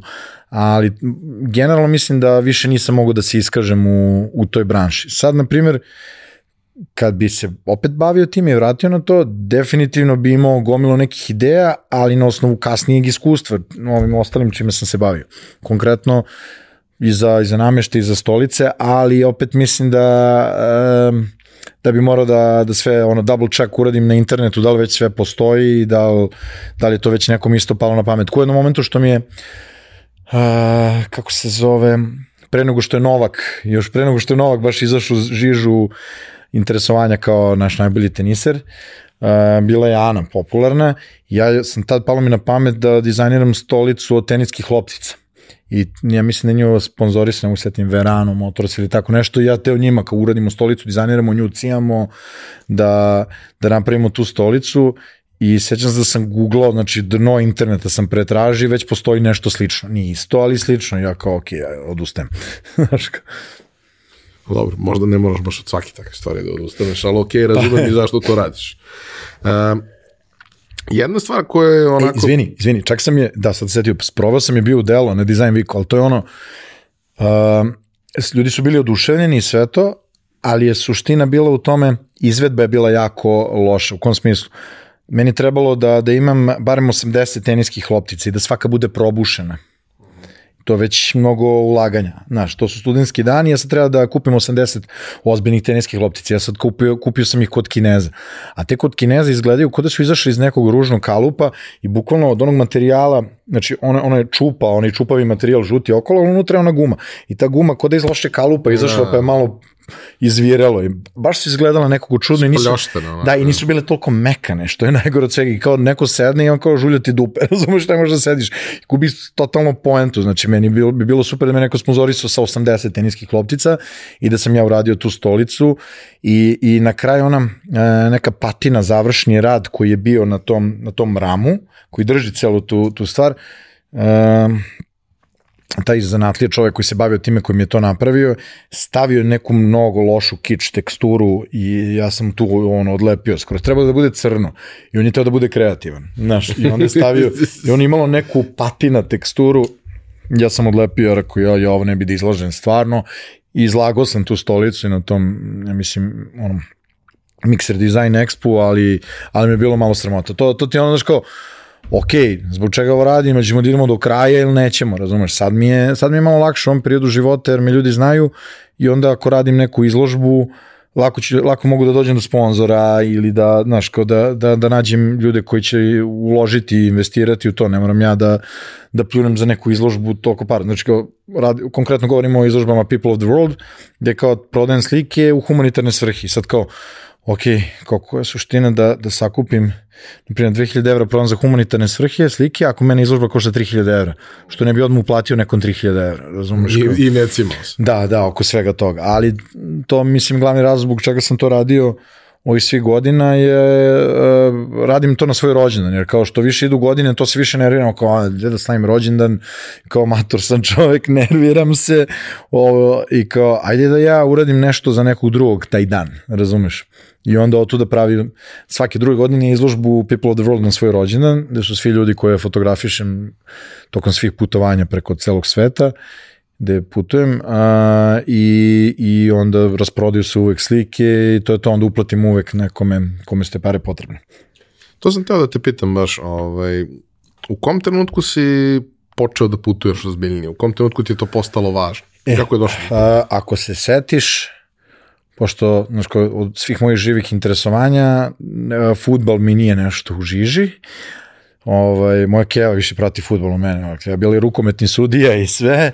Ovaj, ali uh, nije mi nešto pretrano žiži, pa ako se setiš kad je bila utakmica, ne sad ovo, nego prošlo svetsko prvenstvo Brazil-Srbija, uh -huh tad mi je pre toga sam krenuo intenzivno da putem. Tad sam išao na onom, uh, angažovali su mi iz Jelen Piva da slikam uh, uh, kao ove naše navijače što idu tamo i generalno malu utakmicu i, taj, i Moskvu, u Moskvi je bilo, ne mogu tačno setim godine.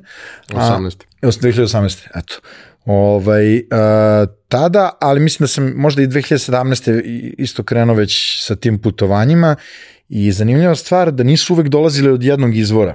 Znaš, na primjer, ti sad kad bi raščlanio uh, sve moje klijente i sve što radim, to su iz raznih sfera, e, razni poslovi, sve drugačije, razumeš? Znači, od, bukvalno nemaš neko ko je sad kao, ovo je jedan single posao, nego tako su bile i putovanja tad. E, kao, putovao sam Jungle Travelom, šalju me kao influencera, to je zapravo mač sa dve oštrice, jer sam ja putovao s njima i kao influencer, i sad kao ako si influencer, onda ti imaš mobilni telefon, ja se kao snimim gde sam, šta sam, šta radim, ali opet sam ja i ova druga kategorija profesionalni fotograf, ja ne mogu samo snimim telefonom i uvek ono, znaš, ljudi zovu ljude koji imaju preko 100.000 pratilaca, ja sad možda imam snimim oko 35, tad sam imao desetak, 15.000 i onda kad me pozovu, ja sam kao hibrid, ok, nemam dovoljno pratilaca, mogu samo snimam telefonom, pa moram i da fotkam i da snimam sve i da eksportujem, sređujem materijale, onda drugi ljudi noću se zezaju, ja više radim i tako, a tad sam imao i stalni posao, ovaj, radio sam u, u Fitpassu kao direktor. I onda ako smo na primer na Nepalu, onda je strava, jer na Nepalu si ti uh, kako se zove 7 sati si u plusu, pa, pa je kao malo bolje, jer kao uvek trgneš se kao, aha, dobro, u Srbiji je 7 sati minus, mogu sve da stignem da završim, ali kad se, na primjer, u Meksiku, uh, a, Srbija mislim da je 6 sati ispred i onda 3 u 3 ujutru moraš da, da si ono online jer u 9 ujutru je, to je 9 ujutru u Srbiji njima je radni dan. I onda je to malo bilo nezgodno kombinovati sve te stalne poslove uh, i ove druge honorarne, to jest freelancing i ta putovanja. To je baš nezgodno. Tako da Znaš, ja uđem u avion i monti, editujem vide ili završam neke poslove i slično. Um, ali generalno, znači, putovao sam dosta sa džanglom i putovao sam dosta ovako, uh, na primjer, krenuo sam da radim za, za Cercle, Uh, oni kako, kako francuzi bi to drugačije rekli mi ili kao circle, to je krug na francuskom, oni, oni kažu nešto između Serge ili circle, circle, tako nešto zvuči.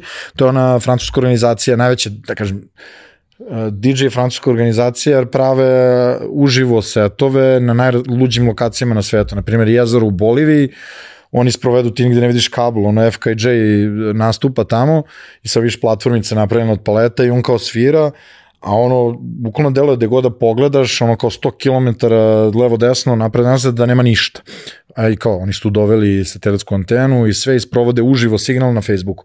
Pa, na primjer, na, Maldivi, na Maldivima sam uh, slikao ovog uh, monolinka, Ove, isto malo ostrvo, znači si ostrvo 200 metara u prečniku i oni kao među palmama sakriju satelitsku antenu. A ono, satelitska antena da iznemiš 7000 evra sat. I kao, oni moraju da odrede 2 sata i kao, on će raditi set sat i 40 minuta i posle ima 2 sata intervju kao brzo, brzo taj intervju da ne uđemo u treći sat, ono znaš kao, kao parking, obračunavati početak trećeg sata. I onda šalju signal u Francusku i ovaj, oni ih tamo, tamo emituju dalje.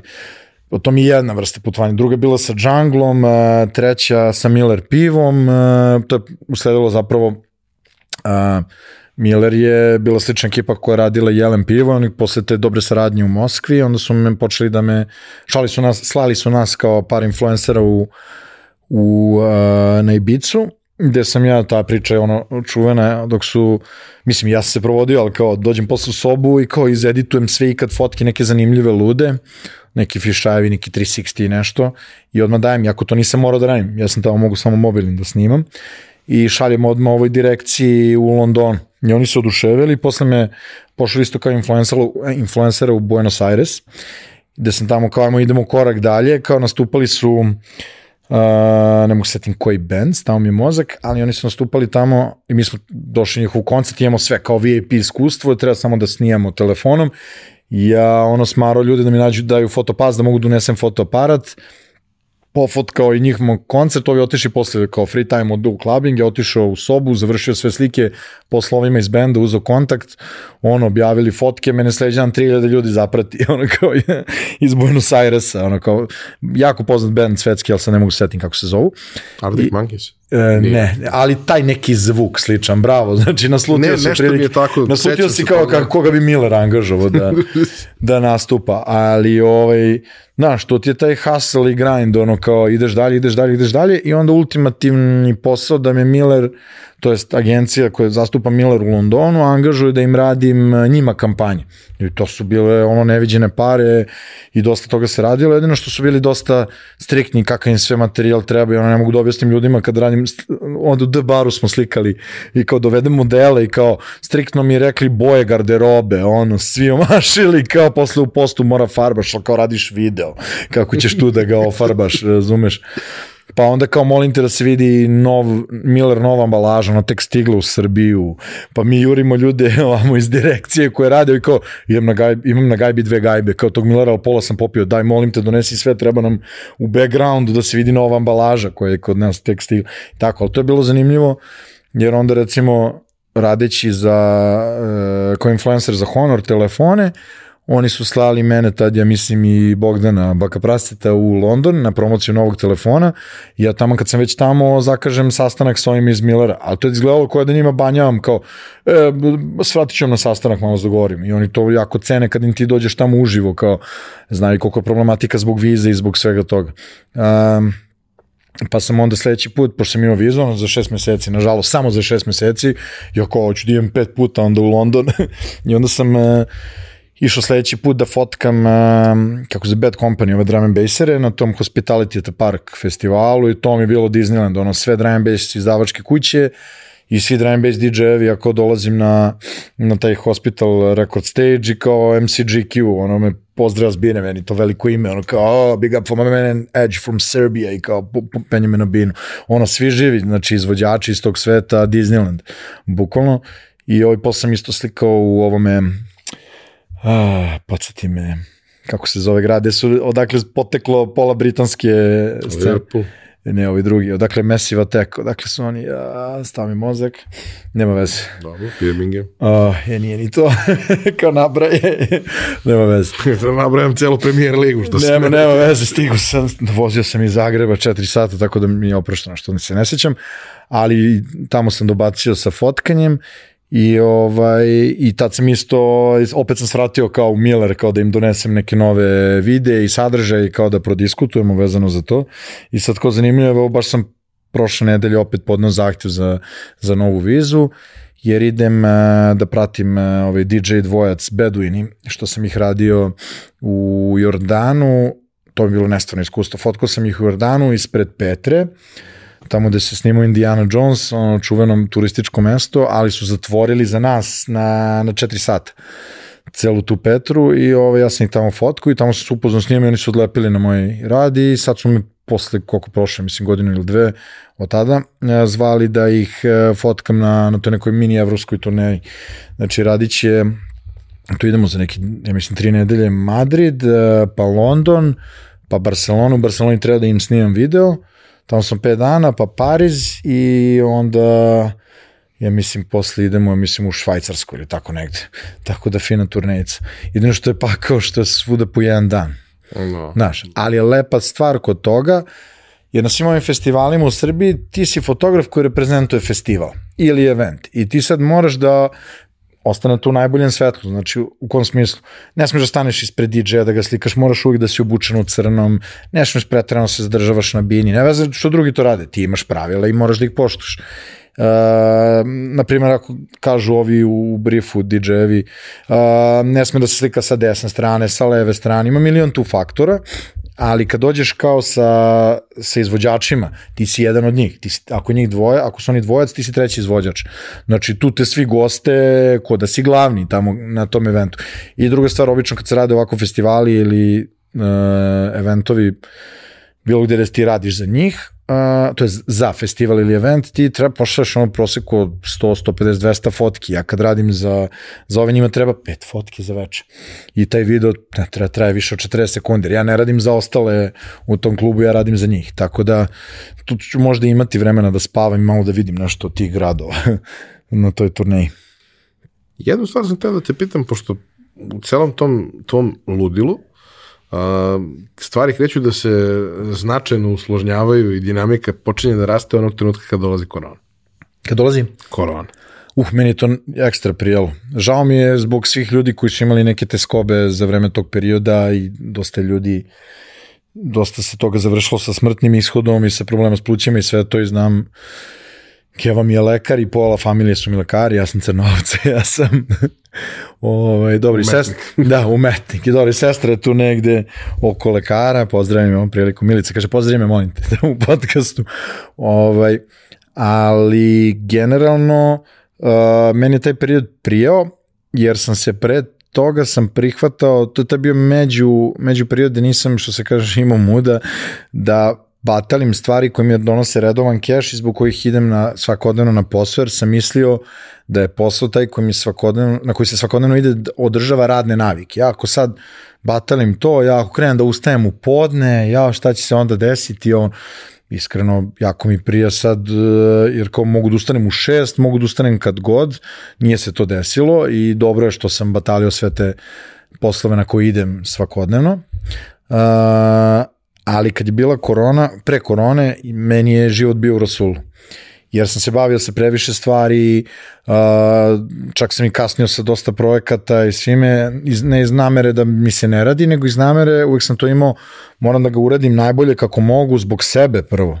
Znaš, čak i negde klijent da neće moći da, da skapira da li si ti to uradio sa pola mozga ili si ga zdudio ili šta već, ne, mene to ne zanima, moram da uradim da to valja ali kao ako ti uriš da valja, ali si okasnio za rok, kod da bolje ga nisi ni uradio ili bolje da si delegirao to nekom drugom.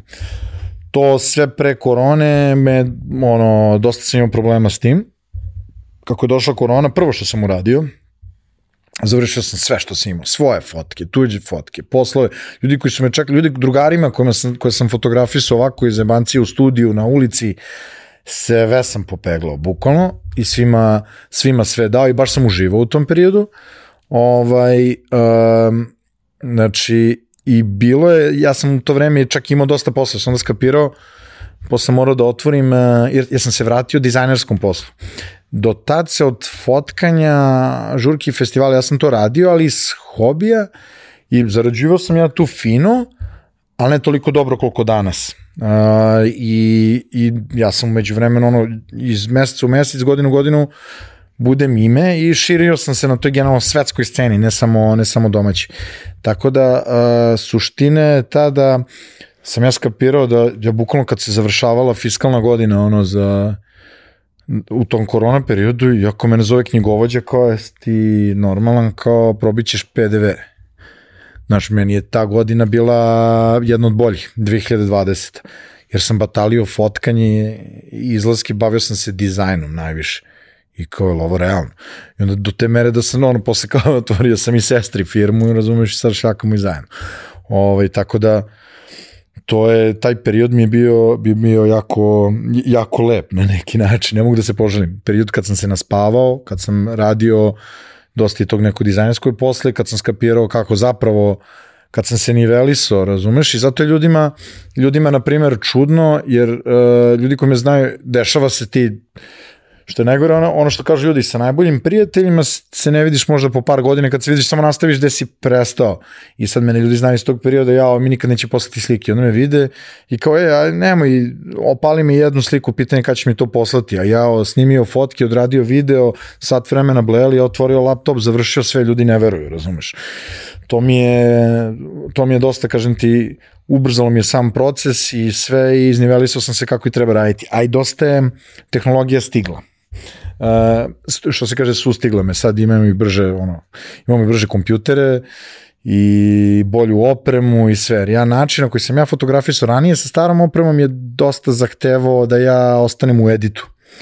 Sad ja uspevam... Da izvukao. Da, da, sad uspevam da to uradim sa š, dosta manje cimanjem. Znaš, sad, na primjer, pofotkamo ovi lužan što sam fotkao u petak, znači završio sam slike njima za par sati, imao sam 3000 slika, meni bitno sam probrao, ja sam skoro na eventu probrao većinu slika, došao sam kući, imao sam uži izbor 300 slika i napravio sam najuži 180 i završio sam. I to nije sad kao, ako si ko razume u fotkanje, nije ono kao jedan preset, klik na sve slike, nego to je nightlife, svetlo jako promenljivo i sad moraš da se prilagođavaš svakoj slici, da praviš ko iz početka da radiš. Ja bar tako radim. I ovaj, završio sam za par sati te slike i onda spičio ovo za Zagreb i uh, u Zagrebu je baš bilo dobro svetlo na ovoj žurci.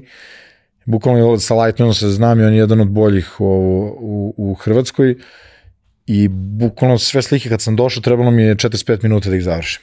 Imao sam samo hiljadu i po slika odande, 45 minuta završio te slike, znači workflow neviđeno brz. Jer ono kao, bukvalno hoću što pre da odranim, što, što, što, bi, što si ti rekao, nešto smo pričali kao hoću da završim, znaš kako legnem da spam, znam da sam završio posao. Znači to mi je samo suštini, to me drži taj drive. Ja kao gledam krevet mi je tu i kao ćao, send, ve transfer, poslao sam vam svima, ono svi spavaju, nema veze, ja sam svoje završio i kao koma, to je to. Ne, neopisivo lepo osjećaj, znači bukvalno. Znači tebe je u suštini COVID služio da posložiš neke stvari. Da, bukvalno sve sam složio i u glavi i oko posla i oko svega, tako da to mi je bilo super. I dosta sam radio tada, bukvalno sam iznedrio, tad su krenuli da budu popularni cloud kitcheni. I onda sam radio, mislim da sam osmislio, dizajnirao uh, oko 9 ili 10 cloud kitchena i zato tu tom periodu dve godine sam čak i vodio Instagrame za, za skoro 10 cloud kitchena sa, sa ekipom. Tako da je bilo baš lep period. da, objasnimo, samo to je onaj moment gde suštinski restoran ne postoji, nego Tako restoran je u Pa jedan, jedan, jedan je postojao i onda su rešili da, da ga šire dalje. I onda smo, znači, bukvalno ono kompletan Instagram, izdizajniran sve kao da kom, po, restoran postoji. Mislim, tu je najveća zezancija, ti u jednom restoranu radiš devet vrsta fotografisan za devet vrsta hrane. Razumeš i sad na svakoj slici treba da deluje da li italijanski, da li je, pa ono, ako je meksički restoran, pa drugarica donosi koja je radila s nama pozdravim ovom prilikom, Martina Snajka de Madre, ovaj, znaju svi, ovaj, ona donosi meksički onaj sombrero, pa kao i donosimo, kao šta mogu još to više stvari da stavim tu, znači bukvalno praviš onaj flat lay, i, i fotografišeš hranu. Tako da sam se tu baš dosta ispraksovao i za tu vrstu fotografije. A na kraju dana svodi se uvek na to da moraš da odradiš te stvari, moraš da prođeš kroz to da bi mogao da... Super je, pogledaš ti tutoriale, sve to u redu, ali dok ono, ti ne staviš ne rasporediš, ne okineš, ne učeš pa, pazi, i, i, tačno, A ja imam neki svoj workflow, ja sam toliko u tim uh, fluidan u tim svim programima i aplikacijama da mi dođe, da, ja kad bi napravio sad svoj neki tutorial ili neki masterclass, ja ga nikad, nikad ne bi radio uh, kao što ostali rade, nego bi bukvalno skipovo sve. Ja sad doći tebe da naučim ono, kao otvoriš od, evo, ovih pet alata to ti ne trebaju, zaboravi, ovih četiri to ti trebaju, ali ti ako imaš to možda povežeš s ovim, ali ako imaš Canon aparat, onda je strava što možda eksportuješ ovako, preko QuickTime-a ovde, video da uradiš ovo, znači bukvalno bi shortcutove radio za sve. To mislim da bi mogao da unesem, to mi sad kao next step, next level inovacije, kao način na koji ja radim kad bi nekom prenao to sad dalje.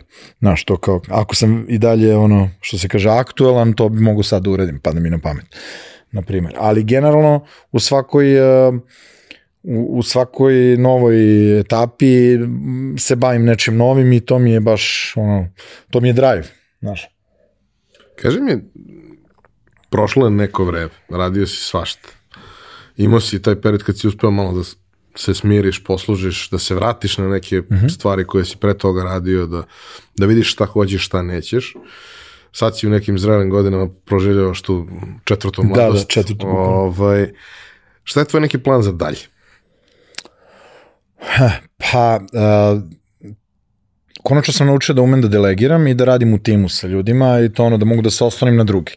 Jer sam uvek bio u fazonu, ma sve ću to ja sam i slično, ali to je teško i nemoguće. Sad eto, bar na fotografskom polju, uh, baš sam danas imao sastanak za ovaj Hrvatski LMF festival i kao dogovorili smo tim od pet ljudi koji će sve da budu moji, moja ekipa koji ću ja da vučem ovaj, iz Beograda i Srbije, sad kao, nisu to ljudi, sad ja kao dam oglas pa tražim fotografe. To su uglavnom saradnici moji i drugari pre svega sa kojima ja inače radim festivale i kojima ja delegiram dosta posla. Znači ja dosta posla uradim, ali dosta posla ne mogu da stignem da uradim i ovi njima to sve prebacujem. Tako da sledeća možda faza je ono uh, rad u timu, i to mi je super, tako da i kroz koronu sam dosta radio u timu, sad i moja devojka radi, uh, bavi se marketingom i ona isto radi te Instagrame, kida kako zna vezano sve za to Reels. Ja ko znam, ako mogu da ti boostujem kao sa Instagrama post, ali kao ne u ads menadžeru,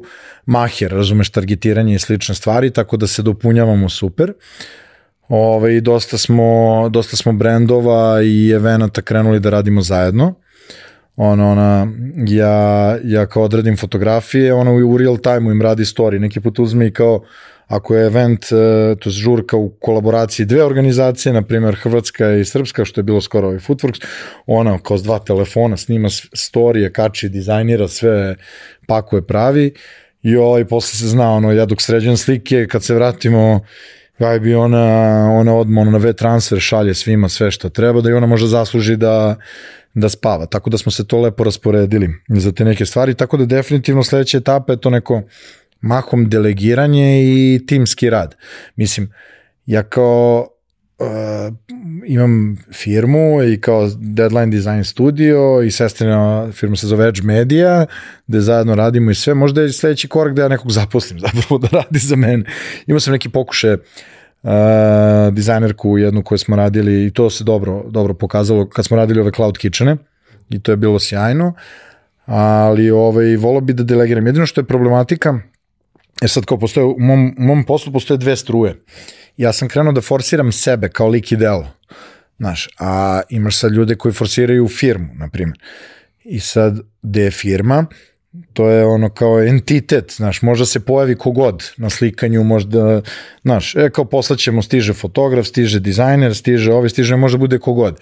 A ja sam jedan i ljudi očekuju da vide mene. I znaš, koji je ono, uh, down moment kad im ja kažem ja poslaću svog uh, fotografa, ja ne, mi smo teli tebe, pa ja vidimo ti imaš ovo na Instagramu, ovako, ali kako on slika, on zna ovako i to je sad problematika, sad treba da naučim ono, daš, kao da, kako da, da uzem da, da izdelegiram ljudima i da mogu da šaljem ljudi iz svog tima, a opet s druge strane svi, svi hoće meni, to je, to je najveća problematika, ali što se kaže, tako sam, tako sam želeo, razumeš, ovaj, od tih još momenta, meni je zapravo bio ultimativni cilj od tih momenta i tih stolica što sam ih dizajnirao i svega toga, ne samo da, da budem poznati dizajner stolica, nego da za cilj mi je bilo da sam ja kao, kad ja dođem kod nekog klijenta, da taj klijent meni ne, ne govori šta ja da radim. On mi kaže šta hoće.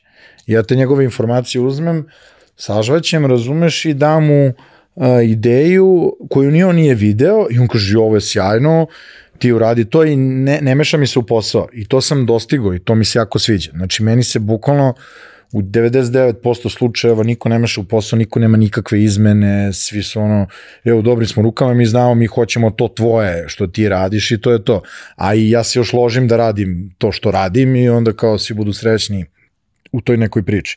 Tako da to mi se ostvarilo i to sam jako srećan zbog toga, jer mi niko ne govori šta da radim. Znaš, ceo život su mi ljudi... Da, malo je neskalabilno. Da. Pazi, ljudi, ljudi su mi ceo život govorili, znaš, kao, uradi ovako, uradi ovako, ali redko ko ima čak i izmene, znaš, ja kad pošaljem, to je to, nema šta da se radi. Jer uspem da sprovedem tu neku ideju u delu. Tako da, e, ne znam šta mi je sledeće, možda i mogu da se oženim jednog dana i to, ali onda bi onda stvarno bi trebao da usporim, razumeš? A šta, šta tebe loži? Znači, šta je ono, kada bi mogao da biraš šta ćeš da radiš, evo pričao si sad kako će to izgledati sa tom turnejom, ovaj, pet dana u Barceloni zvuči super, ovo ostalo po jedan dan ne baš tako sjajno, ali kao to deluje kao neki projektić koji zvuči jako lepo. Da, pa pazi, šta je još to što hoćeš da radiš? meni je od, od uvek bila želja da ja vidim da odem na neku turneju s nekim DJ-em. Ja sam dosta, ne možeš zamisliti ko, koji sam broj DJ-eva odbio, jer sam ja ono old school, ja sam, hoću band da pratim na turneji ili hoću da idem s nekim uh, neku muziku koju baš volim. Znaš, meni su dosta mahom cimali zbog moje vrste fotografija koji izgleda ono ludilo, sve gori, na nekom festivalu svi digli ruke, vatromet i slično. Uh, to uglavnom privlači EDM DJ-eva. Meni EDM muzika, ja na pet koncerata da odem sa nekim EDM DJ-em, ja bih ga udavio na bini šesti, razumeš, ne mogu slušam to. Meni mora malo nešto da ja mogu da čujem i dosta ljudi me, dosta DJ-eva iz tog sveta me je cimalo. Ovaj, kako se zove, ni, nemam ništa loše protiv EDM muzike, da me razumeju ljudi, ali je tipski nastup. Nije tvoja muzika. Tipski nastup i sve isto dešava. Ja nemam ništa protiv kad, na primjer, dođem, ja ne znam da li je to više EDM, ali bilo je nekad ono, kao Stevie Oki ili tako nešto, slikam ga na zrću, slikao sam ga prošle godine treći put i kao stravo, wow, atraktivno. Ja čak i s njim, ono, čovjek je ono, multimilioner, ono, kapiram njegovog fotografa, plaća ne znam koliko i s njim se znam, ali ne bi mogo s tim čovjekom da idem na turneju i tu vrstu loženja bespotrebnog, znaš kao, ali recimo Beduin je gotivin što se tiče to muzike, ali ja generalno meni je, meni je super eh, moment. Ja čak sad nisam uspeo, ljudi ne znaju da sam ovaj vikend odradio ovaj junački posao, ja to nigde nisam stigao da kačim na storijima, možda ću uspem da da okačim uh, sad večeras ili sutra ujutru kao ajmo recap neki od vikenda, jer stvarno sam uradio ludu stvar posle žurke, celo noć fotkanja, vozio za Zagreb i odradio event i slično, a kad si na turneji, to je puta deset. I meni je strava, ja sam se bukvalno izgradio kod svih ljudi koje poznajem i koje ne poznajem, e, se malo smirio s putovanjima. A ja nemam te osjećaje, to je možda prerosto u neku obsesiju i ja kad sam duže od dve nedelje u Beogradu, ja kriziram, ja moram negde da idem, ono, znaš, kao, otiš do Zagreba, super, milina, razumeš, volim da vozim, ovo, imam tu saradnju sa Kijom i oni mi daju uvijek nova vozila gde god da pičem, provozam, ono, Kiju, pofotkam, snimim i to, a generalno volim avioni, volim da idem avionom i to mi je super, nekako mi rela, relaksira me. Tako da putovanje mi je nekako, znaš, kao neko bi rekao neki psihijatar, kao od nečeg bežim, razumeš, verovatno. Ali meni je super ta, taj neki moment ovaj, konstantnog putovanja. To mi, je, to mi baš, baš me relaksira, nekako da idem non stop svuda. A i kao, iako ne kačem toliko koliko bi trebalo i ono ljudi mi kažu treba da pričaš na storijima, trebamo, mislim probaću kao ajde na toj turneji jer je vezano, pa kao ajde probam da pričam u, u telefon i da najavim nešto i sve to kačiću ja iz svakog od tih gradova, ali isto ako vrlo lako može se desiti da ne kačem ništa. Razumeš? I to je koliko je dobro, toliko i loše, moću više se fokusira malo da vidim tamo nešto, iako sam svuda u, u tim svim gradovima već bio, ali generalno skontaću, mislim da ću to skontati kad budem ušao u avion za Madrid i kao, ok, ajde skontamo šta, ili ću da snimim taj prvi story tu, kao, e, krenuli smo u turneja ovo, ono, ili neću snimim ništa, razumiješ, nego ću samo da kačim postove, jer nezgodno je isto na Instagramu, znaš, kao, ako nisi festival, a kačiš slike sa žurki, što bi to neko lajkovo, koga briga. Ja sam nekako uspeo da na, naviknem ljude ono da imam i dobar feedback što se tiče festivala koje kačim, ali meni tu glavni drive, na primjer ti si gazda festivala, treba slikam festival, nije meni drive da ti ja napravim što bolje slike. Naravno da jest, meni je još veći drive da ja hoću da meni ta slika bude dostojna mog Instagrama, da kažem ja, hoću da okačem sliku da je prštalo, da izgleda sve ludilo i da neka neviđena slika s festivala. Ako se to meni ne sviđa, ako super, ja sam ti sredio slike, ti si odušen, platio si me kao, brate, meni se ovo ne kači, kod mene na Instagram ne sviđa mi se. To je meni, to je možda neki dečački drive da, je, da ja hoću da napravim tu neku što bolju fotku. Osim fotkanja i festivala i muzike i putovanja i svega, nešto od ovog posla koji si, kome si se možda malo vratio u koroni, stvari o kojima razmišljaš, je li ima toga uopšte? E, ima toga, ima toga uvek, tog nekog dizajna. Sad, uh, i dalje devojke ja držimo, radimo neke Instagrame, tako da grafički dizajn, oni sad sad malo je, malo je izanđelo sad više da praviš layout za Instagram, sad više niko ne zna šta je najbolje za Instagram. E, treba slika da deluje kao da je slika, ti treba da je slikaš profi, ali da deluje kao da je slikano kao, kao sliku sam je onako... Neobavezno telefonom. Neobavezno telefonom, ok, onda slike neobavezno telefonom. Ali da se razumemo, ako si ti neki ozbiljan brand, bilo koji, ti moraš da imaš profi slike i taj neki kao, pa sad već minimalistički grafički dizajn da ti to izgleda kako treba.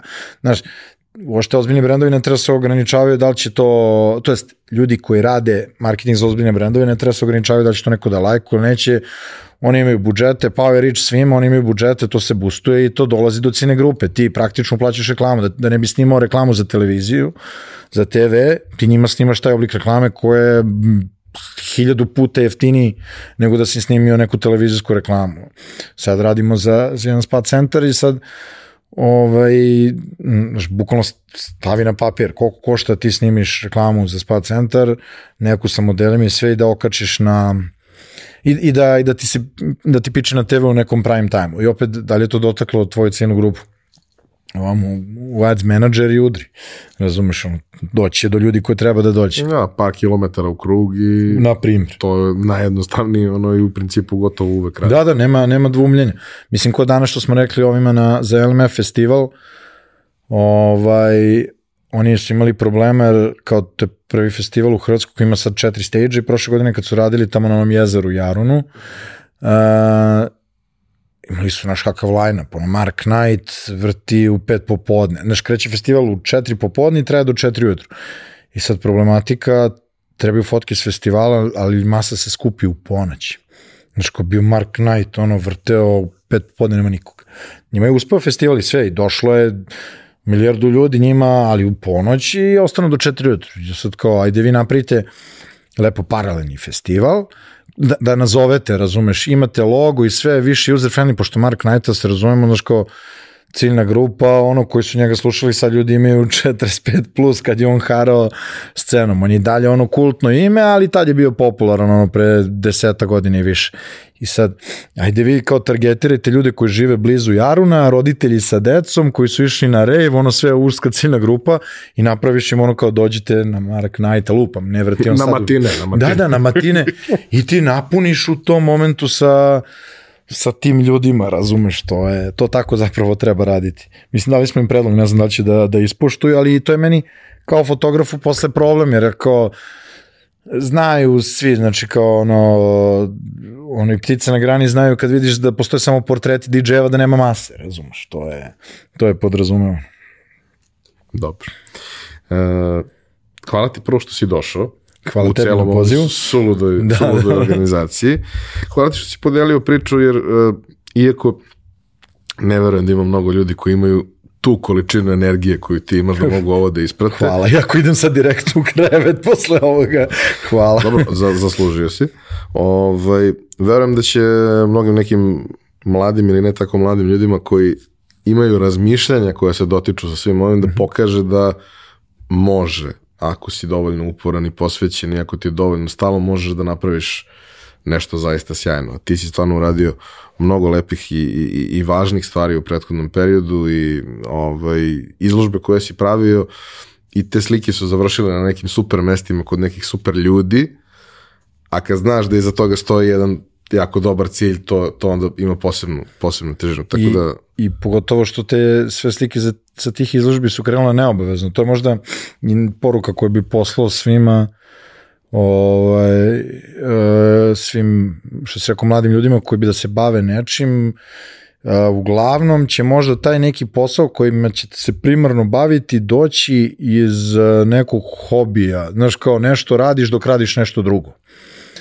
Znaš, ja sam uvek na tim putovanjima dok sam radio nešto drugo, sam uvek slikao portrete ljudi na ulici, to bar nije teško. Znaš, kao tu kulturu nemam u Srbiji što bi ja slikao nekog, znaš, kao na ulici u Srbiji, ali ti kad odeš na neki Nepal ili, znaš, kao na Sejšele ili tako negde, i ono kao, ljudi su ti zanimljivi, svi hoće da se slika na ulici, svi su srećni i nasmejani, ti ono, kao, ćao, zdravo, pozdraviš se, nasmeješ se, kao, mogu te slika, može, sve super.